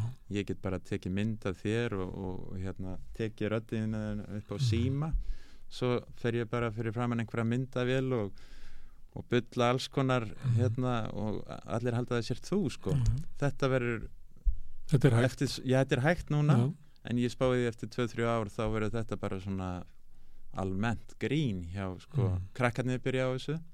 Og svo verður, verður fólk eins og Trump að afsaka sig. Ég sagði þetta aldrei. Ég, hérna, þetta er deepfake. Í staðin fyrir fake news þá segir við deepfake. Og þetta mun hafa áhrif á pólitík og, og hugmyndir okkur um sannleikan og, og, og hvort við getum treyst á söguna. Já, nákvæmlega. Við erum núna farin að sjá til dæmis gerfigreindina með hérna, Midjourney og þessum myndafóritum búa til senur úr hérna frá uh, 19. öll til dæmis í London og, og sko alls konar hérna, myndir sem voru aldrei teknar og það líta svona og svona út og það eru komnar á netið og maður hugsa stundum hvernig verður rannsóknar vinna, já segjum bara mentaskóla nema hérna, eftir tíu ár þegar netið verður fullt af fölskum myndum og annað gott dæmi var hérna þeir gerðu svona hérna talandum selfie sko mm. það var hérna eitt verkefni þar sem þeir tóku hérna frumbyggja frá alls konar löndum sem voru að taka svona selfies að sjálfum sér sko mm. og það var talað um þetta ameríska brós mm. sem er ekkert sko brós sem þú sérð svona allstaðar um heiminn. En þarna var bara búið, þarna voru við með frumbyggja í, í hérna Indonési eða í Amazon og og hérna, hérna frumbyggja Ameriku með þetta ameríska selfie bros mm. og það var ekki hægt að sjá að þetta væri gerfigrænt sko. Þetta bara leit út eins og þarna hefði verið eitthvað fólk sem hefði fundið síma og tekið þessi mynd sko. Já, ja. En þú upplifir að við séum á miklum tímamótum. Ég heldur betur. Þetta er eins og bara uppbyggja uh, skriftin sko eða þetta er meira en uh, uppfinning Já. tölvunar uh, Þetta er eins og Gutenberg innbyltingin og, og margt annað bara allt í einni klessu. Já. og við fáum, við fáum þrjú kortur til þess að ákvæða hvað að því að þetta gerist náttúrulega með stigmagnandi hraða að, að innbyltingin er að, er að dreifa sér á, á, á áratugum. Mm -hmm. Og hægt og bítandi en þetta er breytingar sem kvolvast yfir okkur. Já enda eru helstu frumkvöðlar í gerfigreind að byggja um að, að rannsóknarnir séu stoppaður í halda sem er svolítið komist vegna þess að þetta geng, gerist það ekki það, ég meina, vísindamenn stopp ekki rannsóknarvinnir sinnar og, og þeir eru náttúrulega í samkeppni við fólk í öðrum löndum og heimsálfum og svona og, og hérna þú sem vísindamæður ert að rannsaka eitthvað smá hluta eitthvað, eitthvað neural network þú ert kannski ekkit að tengja það við einhverjar drastískar fél, hérna, samfélagslega breytingar þegar þú ert bara að spá í hérna, einhverju taugakerfi gerfi, gerfi taugakerfi sko. en það er náttúrulega hluti af samfélaginu ef, ef þetta við væru mm. til mm. þá væri sá sem er að rannsaka þetta hann yrði að taka tilliti til þess Já. en ef við lifum í samfélagi sem er ekkert við mm. þá náttúrulega líklega hann haldi bara áfram og það, það er ekkert samfélag sem er nýppir í hann eða hvorki innramið honum niður utanfrá. Nei, en það er náttúrulega að gerast, sko, háskólanir er að, að rannsaka þetta og, og Evrópusambandið er að setja lög á gerfigreind mm. og, og, og hérna eru mikið að spá í hvernig við getum treyst gerfigreind, hvað mm. er trustworthy AI og það er verið að hugsa þetta, Evrópusambandið er náttúrulega er þarna að setja einhver lög og hugsa um lagarama sem getur verið svolítið heftandi fyrir framgang vísindana mm. en það er með siðferðislega félagslega ábyrð En er ekki bara framþróinu meir í bandaríkjónum eða í Kína? Það er bara hættan sko að, að vísindamenn farið þá þangað frekar til að geta hérna, stundarannsóknir sem eru á einhvern hátt frjálsari mm. Uh, ég er nú engin sérfræðingur í því nákvæmlega hvaða hérna, regluverk er verið að setja í hvaða löndum en, en hérna, jú, þetta getur verið að hætta mm. að Því að þú ert að búa til hérna, hljóðfærið þar sem að gerfigrindi tekur þátt í sköpun og er þar nefndi svona nálagt okkur svona á öðrum hætti heldur en að við hugsa kannski ótt um hana og, og kannski Uh, afhjúpar kannski svolítið frekar svona, ég veit ekki hvað að segja, persónugerð sína eða þú getur kynstinn öðru sem er þessum hætti. Mm -hmm. Það er svona gammalt brandari sem segir að ef að koma hérna veru frá öðrum nöttum, það er náttúrulega lang líklegt að verði bara alveg hundleðilegar sko. Mm -hmm. Sér erfitt að tengja við þær og það sé bara að veru feigið þegar við förum, mm. minn ekki færa okkur neitt annað. Hvernig er hérna, þín kynnið að gerðvigrindinni? Er hún er hún skapat og skemmtileg? Eh, það verður komið menn hingað hérna að vera að tala um það hvernig þetta tjatt hérna, velar virka. Mm. og þá virkaði svolítið svona hljóma svona eins og svona miðaldra kall sem að þið getur vit allt. Já. alveg sama þótt að segja halda fram ykkur vittlesu mm. og hann eiginlega viðkennið aldrei að vera andfyrir sér. Nei, mitt eins og ég segi hérna hrútskýrjandi á styrum sko. Um, Þú getur hins vegar beðið chat GTP um að skrifa í ólegum stíl, þú getur sagt svaraði mér í, hérna eins og hérna Beckett Já. eða Snoop Dogg eða eitthvað Já. og þá færðu texta sem er miklu skemmtilegri. Já. þannig að það er möguleiki líka. En, en svona þetta almenna default svar hjá þessari gerfigreindir orðin freka þreytt að mínum að ég er strax orðin leiður á henni. Þetta er, þetta er leiðindar bókmyndastíl sko mm. en ágættir svona leitarvél, ég menna ef þú, ef, þið langar að vita eitthvað um eitthvað þá ertu miklu hljótari að spyrja gerfigreindina um það heldur en að googla það Mm. að í Google ferður bara endalösa linka og ja, veist ekkert hvað ætti að fara í og svona. Og eiginlega við það hérna eiginlega bara versna sko, ég, kannski er ég bara með einhverja vittlösa stillingu en mér finnst að sko, hún velur eiginlega ver út sko, heldur náður Já, ég er eiginlega samlega hendi sko. mér oft bara eitthvað sem að var fyrir 15 ára þegar mér finnst að vera auglust að ég er að leita einhverju nýju sko. Já Gallin er hins vegar sá að það er ekki hægt að treysta gerfugrindinni. Við vitum ekkert hvaðan hún fær þessar upplýsingar sem þú ert að lesa. Og sko önnu hver setning getur verið raung og þannig að hvernig ætlar að hvernig ég var að byggja nokkund skapaðan hlut á þessu? Ég til dæmis síndi nefndum mínum við, við, ég var að kenna hérna creative uh, audiovisual coding í, í hérna Sussex núna í á síðustöðan, bara Já. í janúar tók eftir því að helmingurinn af nefndum var færðin að skrifa hans í góðan kóða sko. mm. og, og hérna hluti sem ég var ekkert búin að kenna og mér fannst þetta fyrir eitthvað skrítið og, og hérna svo kom, náttúrulega ljós að þau voru farin að nota chat GDP til að skrifa forritin mm. og þá fórum við að skoða þetta bara og, og hérna, þetta var bara bylting sem gerðist á miðri önn sko, þetta, er, þetta er bara að koma núna mm. Og ég fór bara að kenna ChatGPT og við fórum að tala um hvað það er og hvað það þýðir fyrir okkar vinnu að hérna, nota þetta. Og hvernig læru við með þessu nýja námstæki? Hvernig eigum við að læra að forrita við hérna ef við erum að fá vél til þess að forrita fyrir okkur? En ég síndi þeim, sko ég skrifaði bók hérna 2020 eða 1920 sem hétt Sonic Writing. Ég bað gerfigrindinum að segja mér frá þessari bók og hún kom með svona síðinas, eins síðina svar og ég gæti bara sínt nefnandunum, ég náttúrulega þekki bókan ég, mm. ég skrifaði hana að það var bara önnukver setning raung mm. hún var að segja að það eru þrýr partar í bókinni, það eru, eru fjórir í fyrsta parti er fjallar um þetta og þetta og í öðrum parti er þetta mm. og þetta en það var bara sumt var rétt, sumt var ránt mm. og, og þau svona fölnaðu svolítið þegar þau sáu hvað mikið var ránt mm. þannig að þau höfðu örgulega verið að skrifa rítgerðið með þessu mm. Þá er það bara söpuðu stöðu þá er maður í söpuðu stöðu kakka þessu og bara fölsuðu myndum og svona maður veit ekki hvað er satt og hvað er logið Já, lengur. það er bara þannig það er reyndar sko ChatGPT 4 eða GPT mótilið 4 sem er svolítið verið að tala um núna það er miklu betra mm. en einhver síður þá, þar, þá þarf það að ganga í skuggum allt, þú getur ekki treyst þessu mm. þetta, er, þetta er ekki þekking sem er byggð á sko uh, á raunverulegum heimildum þetta, er, þetta eru líkindareikningur mm.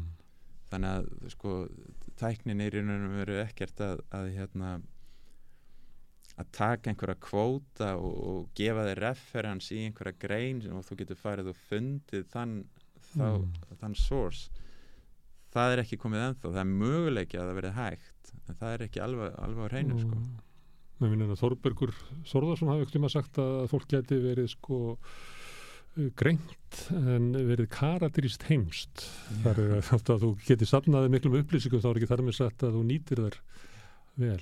Já En þegar maður er að nota hérna, gerfigreinddeila sem samverkamann í sköpun, mm. þá lítur maður að tengjast og það eru talandum um svona uh, verkværi. Hundur er náttúrulega ekki verkværi en, en hann uh, kannski tekur maðurinn að naða sér til þess að sækja fíð eða eitthvað slíkt. Mm. En svo tengist hann hundunum mm. og þú þekkir það, getur við tengst í bara sterkari böndum heldur en mm. þótt vætna um hundi sín heldur en mannfólki. Eh, hérna, hvernig svona félagi er gerðvigrindin? Getur þú tengst henni eh, svona tilvinningalögum bandum? Getur þú eitthvað þótt vænt um gerðvigrind? Já, ég held það sko. Sérstaklega þú ferð að þróa þína eigin eh, hérna módel sko, þín eigin um, hljóðfæri ah. þannig að gerðvigrindin er farin að aðlagast að þér þá er þetta orðin partur af þér og, og, og, eins og ættmenni Já, svolítið sko. Líktir mm og þá er þeirra leiður ef þú myndir týna því sko. Mm. hvað er hljóðfærið mitt? Ég hef búin að eigða svo miklum tíma í að þróa það á einhvern vissan hátt sko. Mm. En getur það að gefa eitthvað tilbaka eins og til þess hundur eins og ég haldi mig við þá? Já.